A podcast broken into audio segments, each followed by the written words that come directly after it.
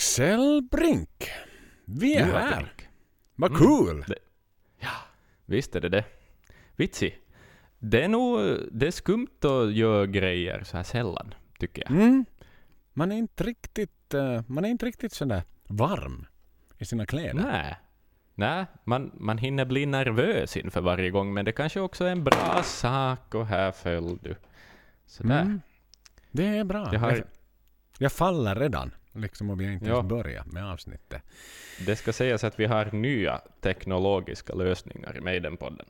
Mm. Vi, har, Eh. vi har lämnat Skype, den svenska innovationen bakom oss till förmån för... Är Skype svenskt? Absolut. Jag hade ingen aning om det. Mm. Det hade jag ingen aning om. Skype Jag är sådär som en amerikan som trodde att Nokia var japanskt. Ja, ja. Nej, nej, är Mm. svensk miljardär. Han cashade ut bra när han sålde det till Microsoft. Ser du? Jag minns inte vad personen i fråga hette, men, men såklart ett så extremt framgångsrikt företag.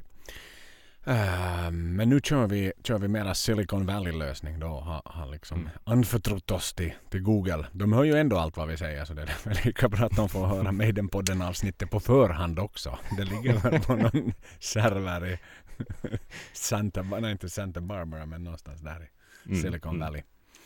Kan jag tänka mig. Äntligen, nytt Maiden-podden. Ja. Kom och lyssna, Exakt. Ja, I brist på riktiga Maiden så får man ju hoppas att de hypar upp det lika mycket. Så.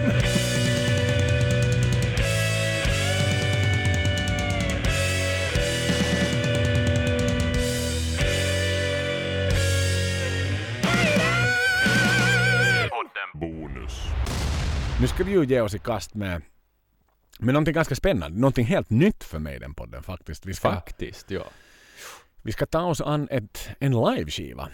Blandat med DVDer och, och, och lite dokumentärer och liksom en, en episod. Vi, ska, vi har ett paket som vi ska Mm. ta oss an denna gång. Exakt. Och det finns ju några sådana upplägg både framåt och bakåt. Men det blir första gången som vi sätter tänderna denna gång i, i den här typen av, vad ska vi säga, presentation. Ja, ja en, en medial helhet. Mm. Så, så det Mm. blir ju lite intressant för vår del att liksom bara se hur, vilket format och för, för lite blir det ju nu att det vi sätter nu så kommer ju att vara för de andra också. Det blir ju exempel, ja. Exakt. Mm. Så är det. Så, är det, ja. Vi har ju lite press på oss nu. Det kan jag eh, redan säga att jag har nog mera koncentrerat mig på, på att titta då det är det formatet. Då Mm. det är video på det Mm. viset. Att, att live-skivan, den har nu snurrat på lite ibland, men det är nog mera liksom den, den videopresentationen av denna livespelning som, som, eh, som jag har tittat på mest. Mm. Och, och i vissa fall kanske lite för mycket till och med. Men, eh, men det är mycket klipp, mycket som syns. Det är mycket Eh, som syns. att, Och den som, den som uteblev på senaste live-skivan, tyvärr. Då var det ju, då uteblev videopresentationen. Ja, ja. Så är det ja. Då blev det bara en skiva. Mm.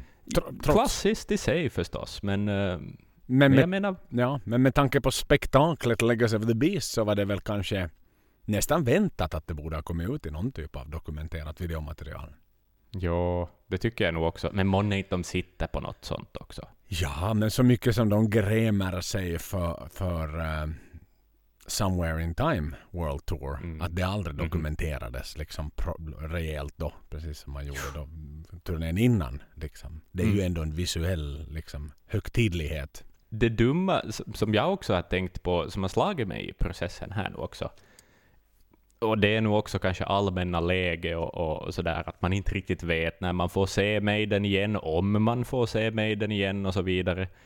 Eh, hur mycket jag har tagit för givet, vet du. Maiden kommer emellanåt och det är en ny produktion och visst är det häftigt med nya backdrops, men, men jag har som aldrig riktigt re- reflekterat över att det ju trots allt ändå är väldigt unikt varje gång man får chansen att se dem, Mm. vet du. Mm. Att, ja, sådär, att, att man borde kanske fästa blicken lite mera vid vad har de smyckat scenen med? Vad är det som händer? Liksom, vad, vad är tanken? Vad är upplägget? Det är så mycket tanke som går in i en sån här grej. Mm. Liksom. Så att där har jag varit lite slarvig på något vis. Sådär. Ja, och det är ju någonstans alltid väl ändå för musiken man går på Maiden förstås i Mm. första hand och sen är det ju liksom bara någonting lite ögongodis liksom hur inramningen ser ut. Men, men jo, liksom detaljer och sånt som man kanske inte har lagt märke till. Och, men, men samtidigt sådär, jag har ju inte Legacy of the Beast är ju den första turnén som jag ser flera gånger. Så att Mm. då, jag skulle säga att skulle man ha varit en gammal rev sådär och, och haft liksom pengar att åka runt på flera ställen då redan Mm. innan. Eh, så då hade man ju kanske den andra gången lagt märke till andra saker på ett annat sätt. Den här, det är ju Mm. som första gången, är- det är ju som bara entusiasm såklart. Och man, man, man är ju så exalterad. Äntligen! Det var två år sedan sist och så vidare. Åh, nu får jag höra den här och den här. Och om Mm. det då är nytt material eller om det är gamla godingar. Vad det än må vara så, så, så är det ju, det är ju som en, en ja, det är ett one night stand med Maiden som du faktiskt Ja. har. Eh, och Exakt. då, då kanske du inte funderar på om det ligger en pojkvän bredvid i dubbelsängen så att säga. Utan, Precis. utan Och du hinner inte se alla födelsemärken och liksom, fan i helvete vad du ramlar här nu. Min Det alltså- tekniska det lösning. är alltså kameran som ramlar. Det är inte jag som är så exakt. ra, dyngrak så jag liksom sitter mitt emot Axel och trillar omkull här. Nej. och fortsätta Men, eh, prata. Nej men det är ju sådär att så att andra gången och jag minns ju själv också när vi var i då i Bank of California som fortfarande då är senaste gången tyvärr. Vi såg Maiden Mm. men som jag lever någonstans så där, det är mitt färskaste minne av Maiden live. Så då såg man ju kanske med lite mer analytiska ögon och, och öron för den delen också. Lite jämförande analys kanske. Och kunde lägga Mm. lite mera detalj på hur mycket luft var det egentligen i det här satans huvud som blåstes upp i Number of the Beast. Var det mer luft i Kalifornien än, än vad det var i, i Vegas Jo, jo, jo, men, men där är mera kanske det jag tänker på just att jag tänker tillbaka till exempel på A Matter of Life and Death-turnén.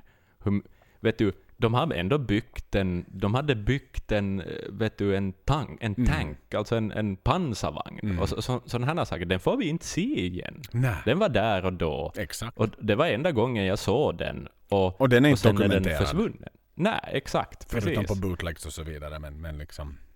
Mm. Mm. Precis. Så att, eh, ja, och jag, jag blir liksom känslosam av att, jag har varit ganska känslosam av att titta på Death on the Road också.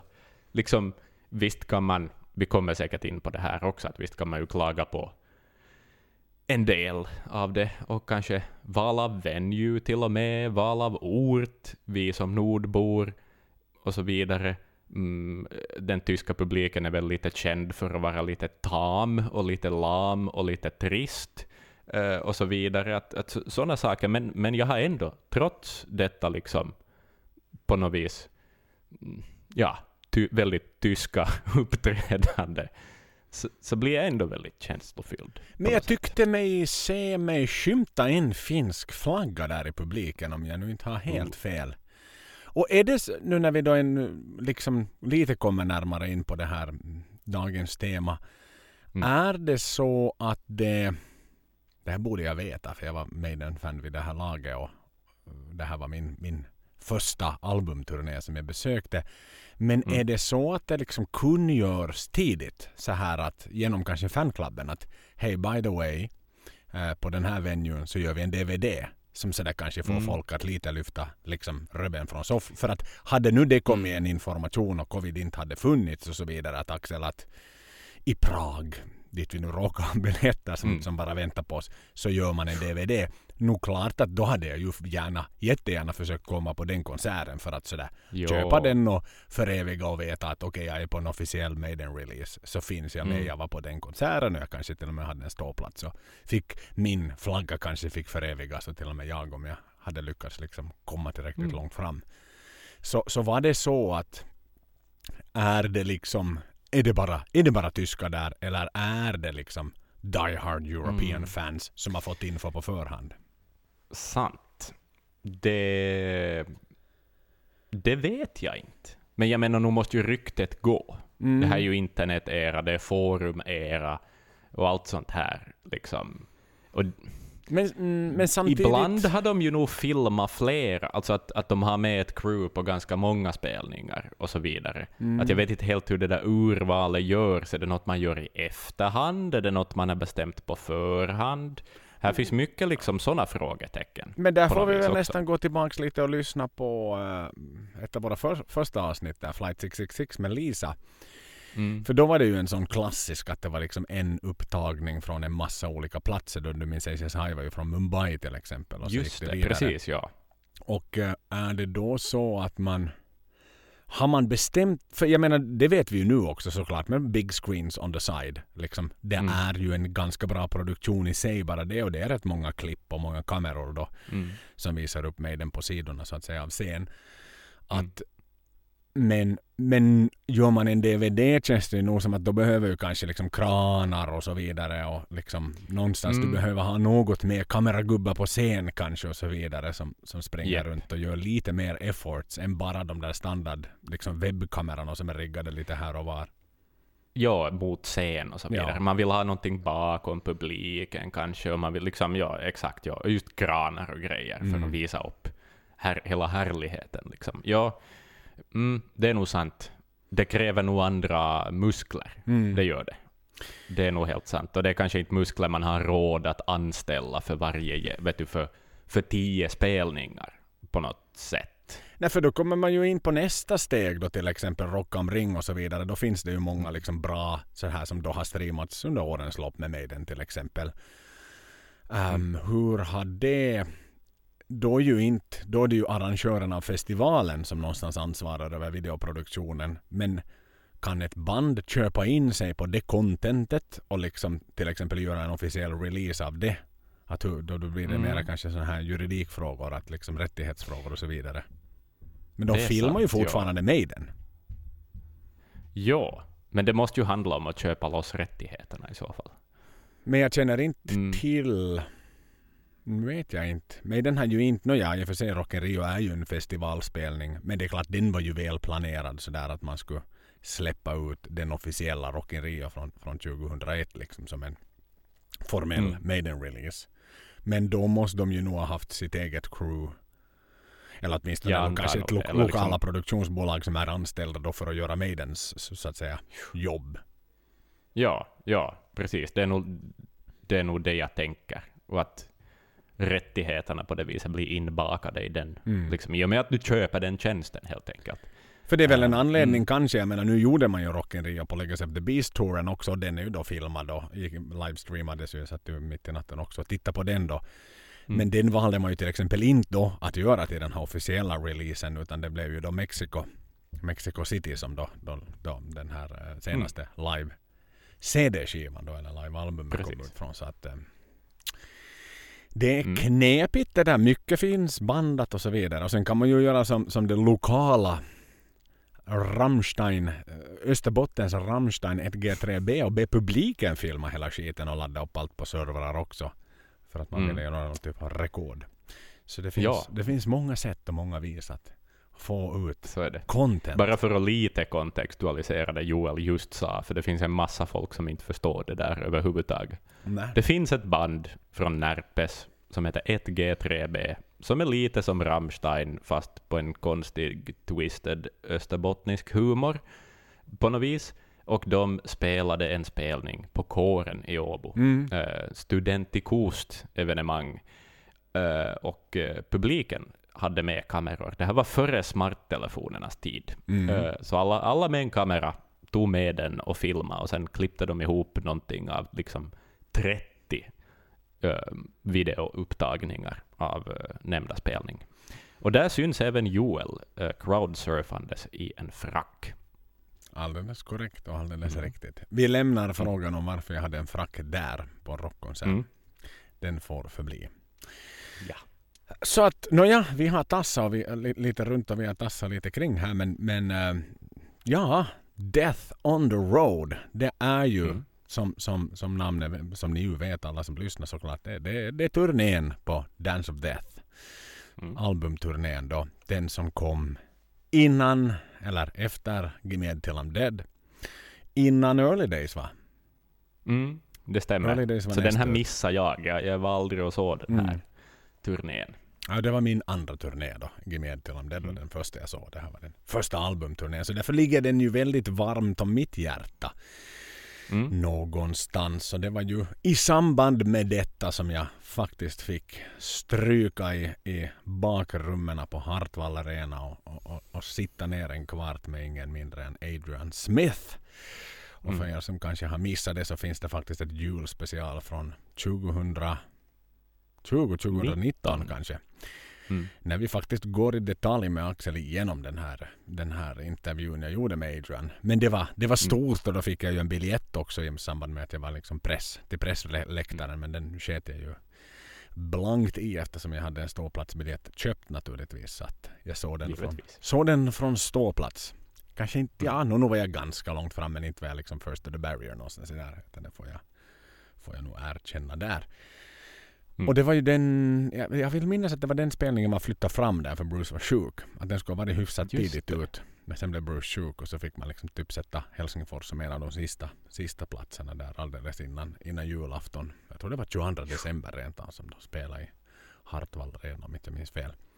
Så det var en Mm, riktigt julklapp. julklapp. Ja verkligen. Mm. Alltså, det är ju också sånt här, varför cherish man inte det mera liksom? Jag har fått se Maiden två dagar innan dopparedagen. Ja, Liksom, tänk vad fint. Ah, Va, va, nu i vuxen ålder vad jag hade gjort. Vet du, druckit en glögg innan på något sätt. Och jag hade Ja. kanske skaffat en sån här... Men hade man ju, det finns ju sån här ugly Christmas sweaters med Maiden. Man hade ju som tagit en sån kanske och gått på konsert Ja. lite och sådär. Liksom hade vad trevligt. Sjungit några här julsånger innan istället för Jag måste ju skaffa en ugly Christmas sweater, Maiden-version. Jag måste ju ha en sån. Ja. Till nästa jul ska jag ha en sån. Mm. Nej men de finns ju flera. De, det är liksom urvalet för varje jul så växer hela tiden. Så att det, Mm. blir, det blir fler och fler att välja mellan. Mm. Så de är snygga. Du kanske kan ta motivet från Dance of Death. Då behöver man inte ens Mm. göra det så mycket mera liksom ugly. Christmas. Då räcker det väl egentligen att ta en college-tröja med Dance of Death-fodralet så, så har du din ugly Christmas sweater. Exakt. Om man får vara lite elak. Men vad säger du? Ska vi ge oss i kast med? Eller ska vi fråga hur vi har haft det?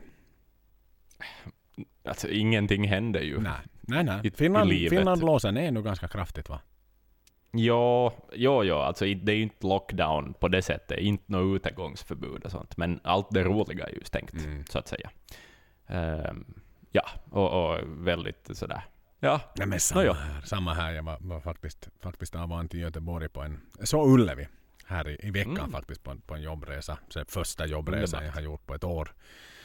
mm, Och det är ett tomt tåg för de har ju liksom typ... No, det var inte många platser som går att boka. Så det var Nej, hyfsat nej, nej. coronasafe med mask och så vidare. Och sen när vi, när vi traskade förbi Ullevi så oj jävlar liksom vad hjärtat började pumpa. Mm. Och jag började liksom titta in där och var sådär. Oj vittu. Tänk. Ja. Tänk. Men tänk att det ändå inte blir av den här sommaren. Konstaterar jag bara. Den är för stor, den är för maffig, den är för inbjudande. Men tänk så roligt det hade varit. mm. Ja, Om man liksom i sommarvärme och t-skjorta och efter ett Maiden-podden live-avsnitt hade fått traska dit. Så att det, det, var, Mm. det, var, det var vemodigt i alla fall. Men no, ja, vi var sen åt och så vidare. Liksom. Men klockan åtta så är det ju slutserverat mm. på restauranger här också. Så det, ja, det är ju just när det börjar bli så det är lite småintressant. Men man, Ja, ja, man, ja. Så, man, man har ju ingen sömnbrist sådär. Vanligen så har man ju sådär, ja ja, no, man har kanske suttit en stund för länge ute. Men det kan man inte göra nu. Nej, nej, nej. Jag har eh, mina rutiner som en pensionär, känns det som. Mm. Alltså, eh, ja. Man går på någon skum autopilot och överlever, liksom. Så Sådär, det, är, inte- men- det är inte så men, mycket eh, clansman. Freedom! Nej, det, det är ingen freedom. Nej. Men det är ju någonting vi får finna oss i. Freedomen kommer sen. Det efter förtryck så brukar ju suktan efter frihet smaka. Så det var ju så det Så var det. också med clansman. De hade ju, det var ju det som Ja, var så anledningen. De hade levt i förtryck. Och sen, liksom, nu får det vara nog. Men det är nog när folk har fått vaccin. Det är inte nog Ja. när någon bara är trött på det. Nej, nej, nej. Så det är en officiell uppmaning av Maiden-podden att sådana här anti-vaxxers och sådana som börjar hitta på några lustigheter likt det som hände, hände på Medborgarplatsen i denna stad här under, under dagen då det är lördag idag när vi spelar in det. Så det, det, det är ingenting vi uppviglar till överhuvudtaget. Sån här Nej, det hjälper ju ingenting heller. Det är ju som lite plus minus noll. Så är det. Så är det. Så är det. Mm. Äh, det, är lite, ja, det, det är som att vara trummis i Pauls tredje kompband. Det liksom hjälper det inte så mycket på vägen kanske. Nej. Visste du att Jani Limatainen spelade gitarr när Paul Diano var en, en av hans liksom sån här Finlands turnéer han gjorde? Jani Limatainen från Sonata Arctica Jo, på den tiden då när han, har spelat. han spelade med Paul, Han ja. spelat med, ser du? I Finland Okej. så gjorde han då när han var liksom på sån här, vet verkligen, han var en turné i Finland, Paul. Från Mm. pub till pub så var det Limatainen som var hans, hans gitarrist. Ah. Jag minns ju tiden nu på mitt lokala hak, då jag var 18, så var Limatainen alltid där. Mm. Vi har gått eh, Med sitt långa röda hår. Vi Ja, har varit inne på det. Inne, inne, in, Ja. in på det redan tidigare. Men han är ju en liten, han är en kult, kultförklarad finne. så är det. Så är det. En snabb Mm. gitarrist. Nåja. Hördu du du, Death on the Road är vad vi ska prata om idag. Och det tycker jag att det är dags att vi börjar gå in på nu i, i snabb takt. Mm. Jag vill ju cherish det här ändå lite i samma anda som vi ändå har haft med våra albumavsnitt. Mm. För Mm. om nu vårt första bonusavsnitt var så absurt egentligen att vi tog tre gamla gubbar och hade med oss Irvin Lucas och så vidare liksom och meganörda ner oss. Så Ja, får vi ja. ha lite liksom kommersiella grejer här. Det, det är lite streckkoder i alla fall på, på skivorna liksom. Ja, ja, De där ja. gubbarna vi pratar om där har aldrig haft en produkt med en streckkod på till exempel på deras, deras demoskivor utan de har liksom de har sålts på puben där de har spelat och that's it. Exakt. Och ingen prislapp heller printad på utan det har stått sådär skrivet med en textmarker i någon sån här, vet du, på ett papper bredvid.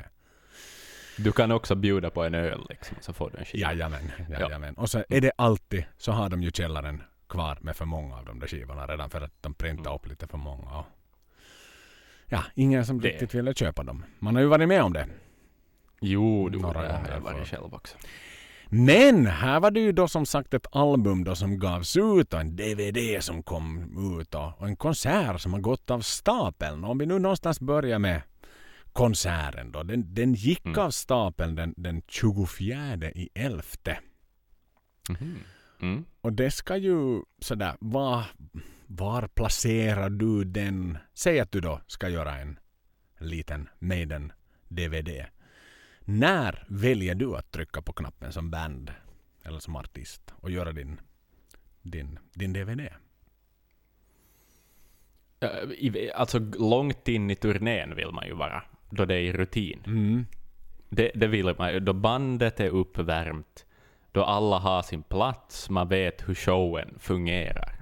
Det, det är ju logiskt förstås. Man vill ju inte att det ska Eh. gå som i Sign of the Cross på Tele2. Som vi såg på, Nej. på vår gemensamma. Nej, men, men, men exakt ja, det, det här är ju också ett koncept för, för lyssnare som kanske lyssnar på oss men inte hänger i, i Facebookgruppen, som man ju förstås gärna nog får bli en del av. Men, men vi har lite börjat med en grej här som vi kallar för Stream for me med den podden, där vi tittar på inspelade konserter tillsammans med, med våra lyssnare. Mm. Sådär simultant. Eh, så att eh, där tittar vi på eh, Legacy of the Beast, en bootleg från Stockholm.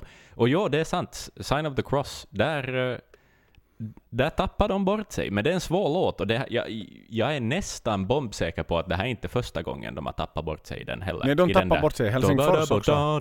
De tappade bort sig i Helsingfors också. Alltså kvällen Japp. innan. Eller inte kvällen Just innan, det. men, liksom konserten innan.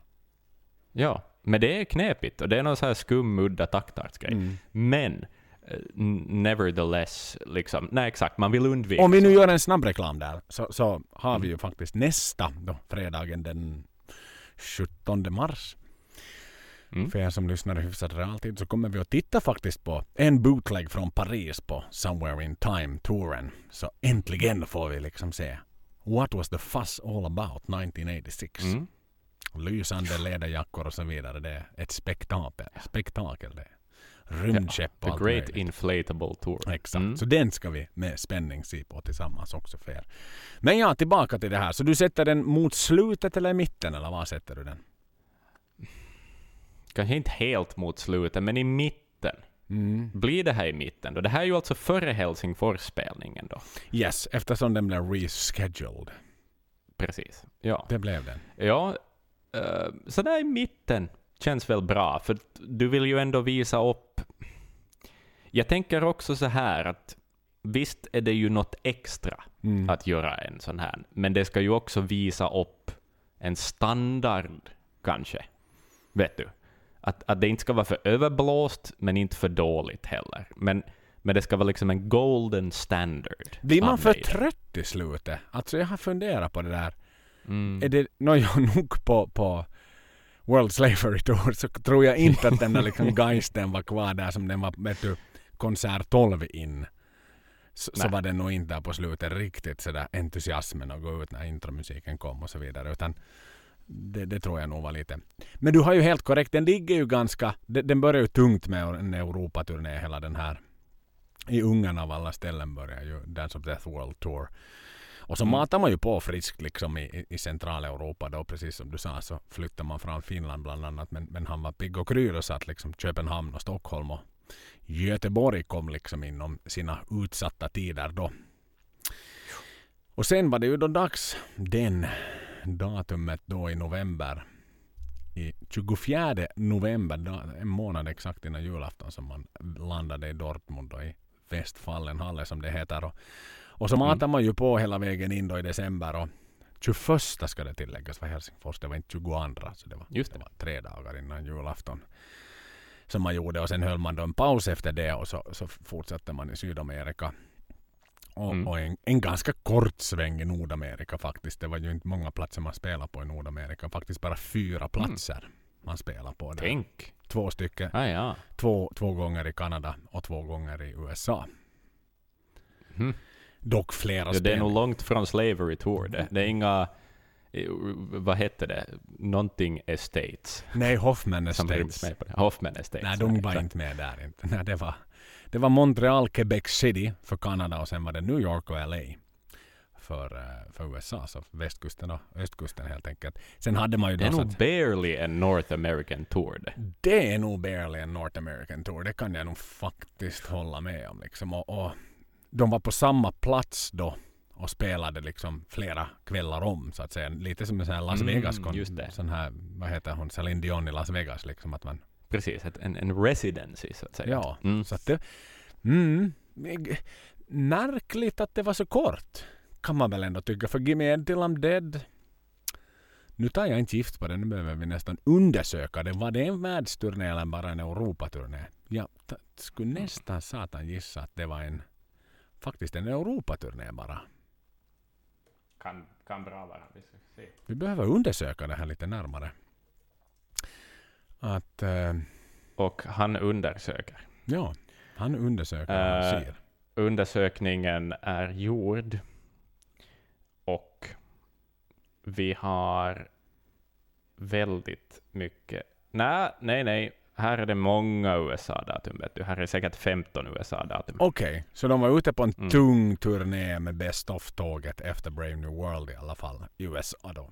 Så är det ja. Men det, det är liksom Europa och USA. Okej. Det verkar inte vara himla mycket. Syd, nej, inga Sydamerika och sånt. Nej. Nej, för det hann de ju Faktiskt med nu i alla fall då innan de åkte till Nordamerika så var de ju på, på Dance of Death World Tour Mm. så var de ju en sväng i alla fall i, i, Sydamerika då också. Inte var det nu hemskt omfattande den i alla fall men några spelningar hann de ju i alla fall med med Argentina, Chile och Brasilien.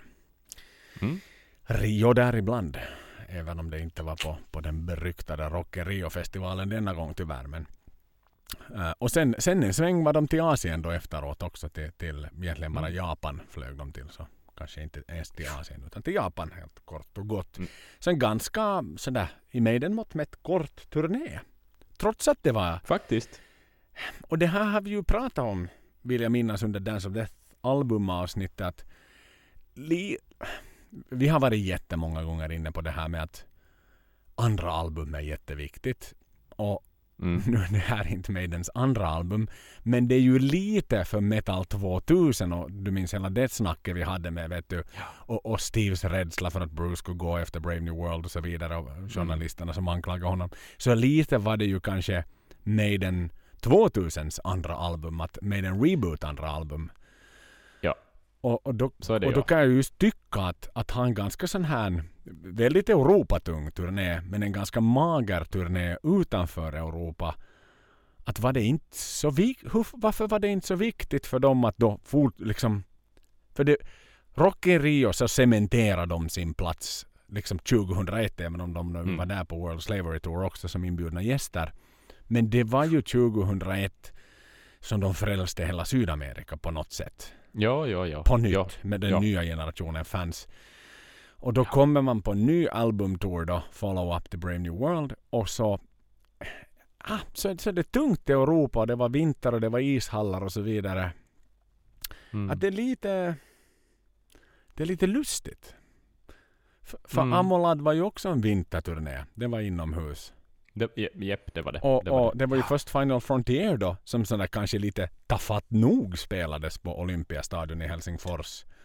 Jag hade Mm. ju kanske lätt kunnat säga att Amolad eller Dance of Death sådär hade haft en Mm. mer naturlig plats. Till exempel på en sommar, sommarkonsert i Finland istället. Utomhus Ja, med ja, betydligt ja. större publik. Mm. Jag, jag har svårt att spekulera i hur man tänker. Alltså... Men det är ju ett säkert kort. Alltså, det, det är väl det. Mm. Det är himla lite osäkra vatten, utan man på det beprövade och det som faktiskt funkar. Och, Men då är vi ju ännu att liksom- inne på att den, det här är ju nog... No, det här är lite sista grässtråna för skivförsäljningen på något sätt. mm, mm, Amolad så, ja, jo, inte var det väl riktigt, alltså okej, ju full, fulladdningar och så vidare, men, men, men det är ju ändå, och och USA som vi har varit inne på så många gånger hur viktig marknaden är. Det är klart att de alltså inte, inte har de ju pengar i kistorna kvar från 80-talet heller. För skit gick det Nej. ju på Blaze-tid, då spelade de på, 90-talet, på, på, på Ja. små, små ställen. Och inte gick det hemskt bra heller förstås på, alltså, om du minns tillbaka till, till både No Prayer och Fear the Dark avsnittet. Mm. De sålde ju som så små kvantiteter av skivorna i USA. Så att mm. Där kan man väl, alltså hade jag nu varit Rod och Andy och så vidare så hade jag väl liksom ändå tyckt att nej men inte det här bandet på sluttampen ännu utan vi Nej. behöver ju sätta våra resurser på USA för det är där pengarna finns. Det är klart det finns pengar i Japan också och så vidare liksom men, Mm. men att bara verkligen köra New York, liksom västkusten, de två uppenbara städerna New York och LA liksom och ha så här Mm. flera kvällars shower där.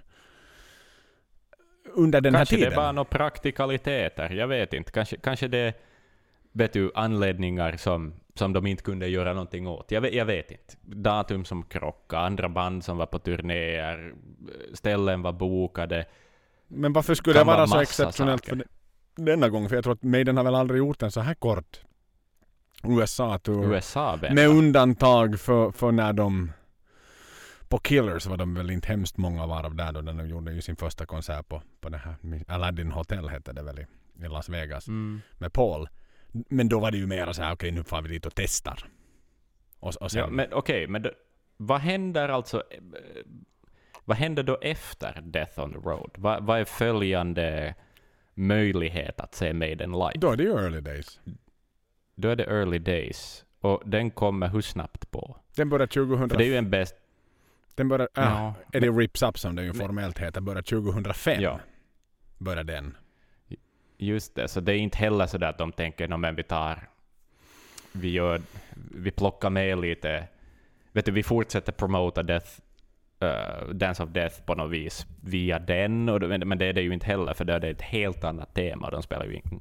Ja du, jag vet för inte, jag ja. menar, då Tyskland gick av stapeln i november och Finland som sagt 22 december då den sista på, på liksom 2003 års sida. Mm. Och sen så, så, så trillade man, det var ju ganska snabbt i januari då som man fortsatte med det här men, men hela, festival, hela kalaset tog slut 8 februari, då var man liksom färdiga. 8 februari Just det. 2004. Och, och det var ju först i maj 2005. Så ett Mm. år och tre månader senare som man kickade igång Early Days. Mm. Och det var ju då som sagt inte någon studiotid och så vidare som behövde ske däremellan utan det var ju rätt och slätt semester man hade. Ja. Men kanske det är något, jag vet inte, de satt så jävla mycket krut på det som hände innan. Eller, jag, nej, men samtidigt inte om... eh, ja, kan, ja, jag vet inte. Det kommer ju ganska snabbt på Gimme till I'm Dead. Ja. Sådär. Uh, mm. Men det, det, det, Kanske det bara inte... Jag vet inte. Fanns inte energi. för, för jag menar nu gör man ju mer omfattande turnéer. I och för sig flyg, man har egna flygplan och så vidare. Det hade man inte på Mm. den här tiden. Utan det kom ju först i samband med, med, med eh, då, Somewhere Back in Time World Tour som man för första Precis. gången tog in det. Men ja, jag tycker att Mm. det är intressant för en, i min värld så bör ju för Maidens skull en albumturné väga tyngre än en best of-turné. Jo, jo, jo, jo, jo. Det är ju, det är ju, det är ju därför de finns. Mm. De gör ju nya album och, och det är ett sätt att visa att de fortfarande finns och att de är relevanta och Alltså någonstans har en chans att locka en ny publik och allt möjligt. kärnan av en albumturné är väl faktiskt att kanske sälja mera skivor dagen efter konserten har varit. Så att säga. Ja. Det är väl lite det som är poängen. Det är ju inte att liksom tömma folks fickor på merchandise och så vidare utan det är väl att få folk att bli så taggade som går till musikbutiken dagen efter och plockar upp skivan. Liksom att wow, det här vill jag, Ja, det här vill jag gärna lyssna på. ja Om man tänker till den stora Ja. massan sådär som in, inte alla som har köpt den dagen den släpps och så vidare och står längst fram men, men om du tänker på de som fyller läktarna liksom som ja men Iron Maiden that's a cool band och sen sådär but I don't have Jo, jo, jo. De här, de album här så liksom firmagubbarna som kommer för att höra Trooper Exakt det ja, sättet. som ändå tänker att ja. nej, men det var bra, det var liksom det var annat bra än bara Number of the Beast också. No More Lies, I like Mm. that song liksom. Den var wow. Sådär, eller Mm, Passion Dale och så vidare. Liksom att det är det som någonstans, det är ju en promotional tour som du gör. Mm. Och varför Mm. gör du en så promotional tour så pass fattig? Eh, det, det är väl det som är min, min stora fråga egentligen. Och varför var den så herrans Europatung? För att det är USA du tjänar pengarna. Det är väl dit jag vill komma Mm. i, mitt, Det, ja, i min frågeställning. Det får vi vänta med tills vi intervjuar Rod eller Andy. Mm. Ja, ja, men det, Det är första frågan vi ställer. vi har många första frågor tror jag. ja. Problemet är att vi måste lyssna på så herrans mycket av vårt tugg bakåt. För det, det är bra frågor och vi kommer ju oftast Ja, fram ja, till dem efter en tids resonemang. Så är det ja. Precis som Och det. det är ju verkligen... Men det är, jag håller med om att det är konstigt. Mm. New York och LA, bara det. Ingenting däremellan. Nej. Men inte ens liksom Chicago eller så vidare. Liksom någonting Nej, som är näst tredje största staden och så vidare. Florida eller någonting. Hoffman Estates liksom. Kanske Hoffman kan vi liksom... Jag tror inte att så många artister idag spelar i Hoffman Estates överhuvudtaget. Förutom band som är från Hoffman Estates. om förstås. de ens blir bokade där. För man blir ju sällan vad är det, profet i sin egen stad så att säga. Nej, exakt. Men kanske nu under pandemin. Mm. Kanske nu vet? pandemin. Vi tänker på Hoffman Estates. Men hur som haver då. Och allt, allt, all- hela den här diskussionen som har pågått ett bra tag, det här kommer att bli en lång kväll Axel, så startade med att konserten gick av stapeln 24.11. Det är allt vad jag hade skrivit om det. Liksom sådär. Så rann vi iväg i det här. Skitsamma, nu hoppar vi lite framåt och, och, och ger, ger lyssnarna det de vill ha.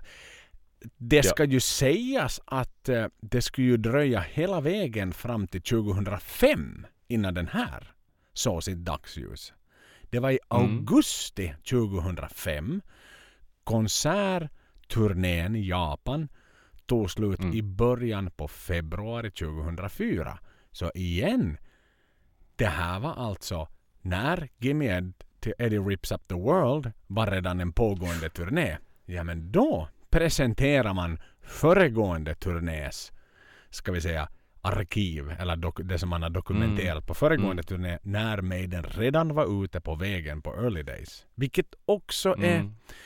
men, men sådär, nu, nu har man börjat tänka i termer av pandemi. Det är liksom ingenting händer. Vet du, Ja. allt, vet du. Hade Maiden gett ut Amolad till exempel nu en Mm. live-DVD. Alltså, den hade ju smält som tusan alltså. Vad man hade köpt den på iTunes eller som fysisk Blu-ray Mm. eller så vidare. Liksom, åh, de har den där hemliga och en dokumentär från Amolad och så vidare. Liksom. Åh, Tänk kul det skulle ha varit att se. Mm. Mm. Ja, nej men, ja det... det- är ju himla länge. Men vet du, det tar säkert så länge att klippa det då man klipper så precis Mm. som Steve Harris klipp. Ja men då ska det ju ännu Mm. påpekas att all, alltså det var musikalbumet som gavs ut i slutet på augusti Just det. 2005. Det dröjde hela vägen till februari 2006 innan DVDn. För han behövde Jag, ett jag, jag, jag håller, halvår. mitt argument gäller fortfarande. Jo, jo, jo, det gör det. Ett halvår till behövde man i klipprummet för den här. Alltså det är mer än vad det tog att liksom klippa Titanic-filmen på något sätt. Men, men det förklarar ju sig på något sätt. Liksom det, det finns en anledning till det. Mm. Så att Singeln däremot, The Trooper, den gavs ut den 15 augusti. Så några dagar Mm. tidigare så gav man ut live-singeln The Trooper. Och tro nu för fan inte att vi inte har ett Maiden-podden avsnitt om inte vi går igenom hur singeln har presterat. Givetvis. Vad tror du? En live-singel. Så här, man ger ut en singel ett och ett halvt år efter föregående turné när Mm. en pågående turné är ute. Det är ganska ballsy. Det är väldigt ballsy. Ehm, ja, det går väl sådär.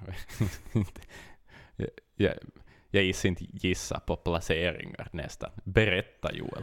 Jag, jag, jag finner ingen... Ja, det, det finns inte riktigt något syfte i att jag ska sitta och gissa, för jag vet inte. Men hamnar den, hamnar den, hamnar den högst upp någonstans? Dortmund-singeln av Trooper. En inspelning från Tyskland som har skett för skit länge sedan. I, i liksom Nej, moderna den- mått mätt. Nej, Jo då! den, den gör Men inte. visst gör den Va? det! Vad gör Ja. den? Varför? Var? Ay, ay, caramba, por favor, muy bien, Axel Brink.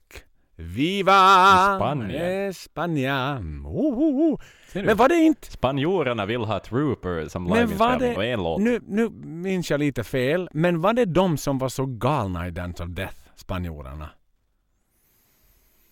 Det kan riktigt bra hända.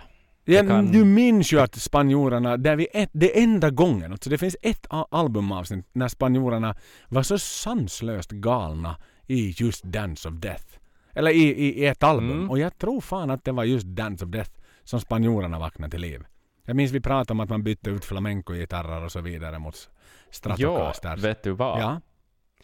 Vi ska se uh, vad Spanien... Nu, nu, nu faktakollar jag det. ja, men det behöver du göra. Vänta. Det är onekligen spännande det här. För det måste ju gå hand i hand, annars är det ju extremt absurt.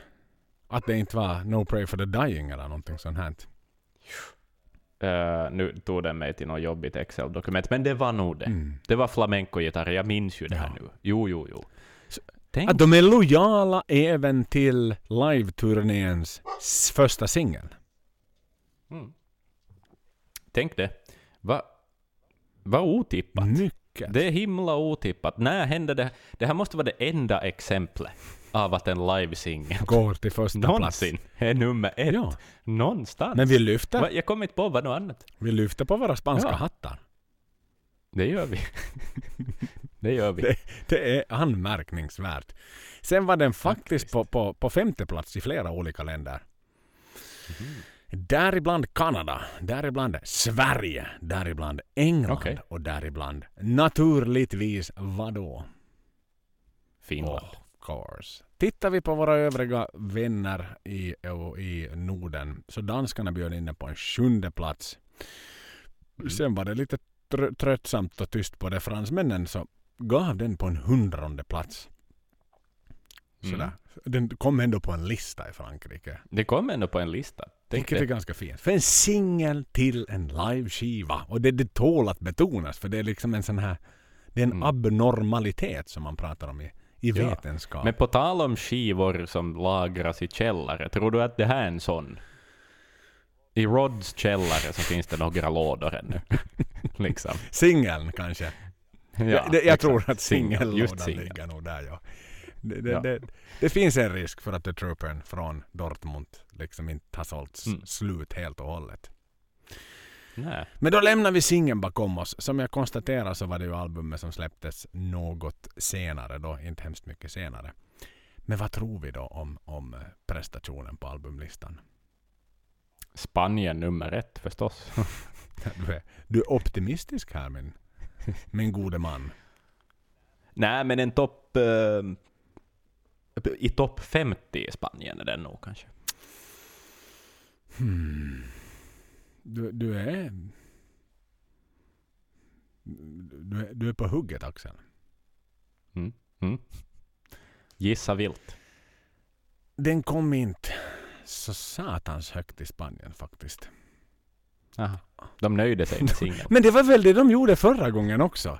De hade bara råd till singeln. Eller sen, eller sen, var, sen var de så besvikna. För jag tror att, var det nu så att det var Wildest Dreams som var liksom på första plats? Mm. Och så var det sen, Nej, det var, det var gratis. Det var den gratis nedladdade. det var Rainmaker då, som de handlade som satan. ja, Rainmaker. Och så var de så besvikna på, på, på liksom Rainmaker så de köpte en skivan heller. Och så gick de i samma Nej. fälla den här gången. Det måste vara helt fittigt bra The Trooper singer från Tyskland. För sen hamnade den liksom på en 18 plats, själva albumet. Att de var ju inte så Aha. mega på hugget där. Just det. Men eh, ja, om vi ställer frågan, vi omformulerar oss. Uh, I Mm. vilket land hamnade den högst på listan? All, det, ska, det här är bara musikalbumet, det ska ju sägas då som sagt att klipperiet så... Det, han, Steve klippte så fingrarna blödde under den här tiden när folk gick och handlade en, en, en CD-skiva. Ja, uh, no, men eh, Tyskland får jag väl dra till. Det är en stor marknad och det är en vild gissning, men det är för att de, de är ju där. Mhm. Så gissar jag på Tyskland. Jaha, men om du får gissa en gång till. Okej. Eh, Norden. Mm, Givetvis. Och vad, Finland. Vad, vad brukar det vara? Det är väl självklart. Mm. En femte plats. Exakt. Finnarna var högst. Finnarna Fem. var bäst liksom listmässigt med att shoppa. Ja, och jag är en del av den statistiken, Mm. vet jag också. För Givetvis. köpte det. Ja, no, i och för sig har jag bara det. Det har jag också. En stor tjock jävel. Som fin paff för paff. Nej, den är inte min plast. Aha, min är paff. Min är plast. Ja, din, du hade en exklusiv variant av den. Min är plast. Sverige Ja, bjöd in den på en deluxe-variant. sjunde plats faktiskt. Mm. Och, och, och norrmännen. en god så, så det är liksom topp tre Norden här. Norrmännen bjöd in den på en tolfte plats hela skivan. Mm. Sen... Okej. eh, He- helt godkänt. Ja men faktiskt det tycker jag. Danskarna fanns inte ens med tyvärr på den här listan. Det gjorde de inte. Så att, ja men vi får ju vara stolta även om så att säga, även om vi, eh, det är lite tungt att konstatera att eh, liksom albumen är slut så att säga. Men, men det är ju kul att få gå igenom listor. Men sen Ja, ja, kom ja. ju den där dagen äntligen i början på året efter när Steve fick liksom trycka på den där renderingsknappen i sitt, i sitt Mm. mjukvaruprogram för att bara köra ut den. Eh, Det fanns inte full HD på den tiden utan det var säkert 480 eller någonting sånt här. Jag vet Mm, inte hur många något sånt. frames per second, det var knappast 30 som det bjöds på i alla fall. Men nu ska det ju sägas att den här skiten gick ju också upp på någon typ av lista. Eh, Mm. Och uh, nåja, finnarna gillar ju musiken. Spanjorerna gillar singeln. Vem gillade DVDn så pass mycket att den gick bra då? På DVD-listan. Nå- det, det, du skulle ju säga så det är säkert en helt separat lista. Det. Musik, Det en- video, live, DVD-listan. Den är nu kanske lite mer begränsad sådär. Det är ju inte så mycket kanske Beyoncé och liksom den, den typen av artister som är... De, om inte nu hon Nej, det är väl ungefär hårdrocksband. Liksom. Mm. Ja, Spice Girls Mm. kanske, någon sån här comeback. ja, ja, sant. Um, nej men månne inte Finland är högt i topp där också? Jag vet ju bara själv att jag köpte den. Jo. Liksom. nej, Och du jo, köpte ja. den. Men det är väl självklart. Så att, Nummer ett. ja. Ser du? Nummer Jo, ett jo, jo. på DVD. På DVD-listan i Finland. Norge. Grattis där hörni. Kämpegrejt. VG-listan kom den Mm. upp på en första plats på. Och hemmamarknaden. Tyckte så mycket om Ah. Tyskland vid det här laget. Don't mention the war. I think I got away with it once. Så det lyckades de liksom kompensera med efter hans felsteg där i pang i bygget som det heter på svenska. Spanjorerna igen, de gillar ju, de har köpt televisioner vid det här laget och de har köpt DVD-spelare från El Giganten. Så pass mycket så att de bjöd in den på en andra plats. Igen. Ser du, ser du. De ville ha video. Det var det de väntade på. Singeln var bra, de gillade den, men de tänker att inte är jag nu så dum i huvudet sen jag sätter mina pengar på bara audio, när jag vet att någonting Nej. kommer med video snart.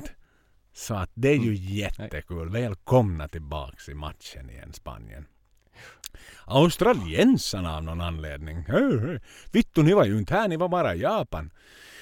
Men Mm. åtminstone måste vi få se den här turnén på DVD. Så på en tredje plats där också.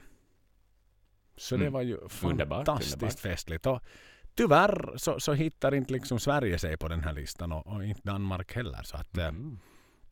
Men det, det är ju någonstans festligt sådär att vara, vara som finländare med på, Det det. på, på många listor. Förstås, förstås. Men Lojala. Mm. Vi är lojala, lo, lo, liksom. Format, oavsett format. Så köp. Det är lite Finland. Ja. Säljer Maiden någonting så köper Finland det. Så är det. Sätt mig den loggan på det och så köper vi det. Så är det. Som eh, Ervin sa. Ska vi titta lite kort på, på, på platsen Westfallenhalle? Det, det är väl ändå någonting vi behöver ta Mm. med oss kan jag tycka. Ehm, Ja. den, den, eh, den är byggd 1952. Och om vi nu vill lite Oh. se på vem som har varit där. Den ligger ju i Dortmund då alltså. Eh, Allas Mm. våras Dortmund. Men, Ja, det är nej, allas. Jag vet inte. Eh, Nå, det är Tysklands Dortmund i alla fall. Så är det. Jag vet inte. Var är Finlands Dortmund Axel? Se- Seinäjoki. Man är Ja, alltid lite bitter när det det- händer saker. Och det är man ju också på att just Maiden spelar in här. Så man är lite bitter på saker. I Vasa i alla fall. På. Ja, ja, ja. Man hade ju hockey-VM där 93 bland annat. Men, men sådär. I Dortmund, du? Pink Mm. Floyd har spelat där. Eh, Det har ju varit... eh, Spice Girls har haft någon konsert där och, och lite hit och dit. Hade sin Mhm. liksom... Ja, nå- någon... Inte, inte hade ju hänt så jävla mycket där. Madonna har spelat. Det är en stor jävla arena och vissa har landat där och vissa har inte. Det som ju kanske är lite intressant och ändå ska sägas är att du minns 1983 under World Peace Tour. Så då dödade man ju Mm. Eddie. Back in the days på den här inomhusfestivalen, den rockpopfestivalen som den hette. Med, med bland annat Scorpions, Ozzy, Mm. Leopard, Quiet Riot, Mm. Priest och så vidare. Alltså Schenker Group, det var ju liksom en all-star uppsättning av någon här slags inomhus Grädde. av en Ja, inomhusfestival. Där då Bruce did the unthinkable and killed Eddie tror jag det bokstavligen står i någon av de här early days DVDerna när han står och river ut hjärnan på Eddie. Några kvinnliga strumpbyxor tror jag det var, om inte jag minns fel. Som de har Ja. liksom proppat huvudet fullt med. Så den gjordes ju där och det var väl då han var ute och åkte taxi på fyllan med, med äh, Ozzy. De stal en taxi vill jag minnas i hans bok som det stod om. Så det kanske kan det ha att göra med att det är någon typ av affektionsvärde till att sådär det var den legendariska Mm. Eddie-touren som man gjorde där. Att det är därför man valde det, Mm. ja. Svårt att säga. Hmm. Att varför valde man just Ja. det där stället? Ska vi spekulera i 40 minuter om det här?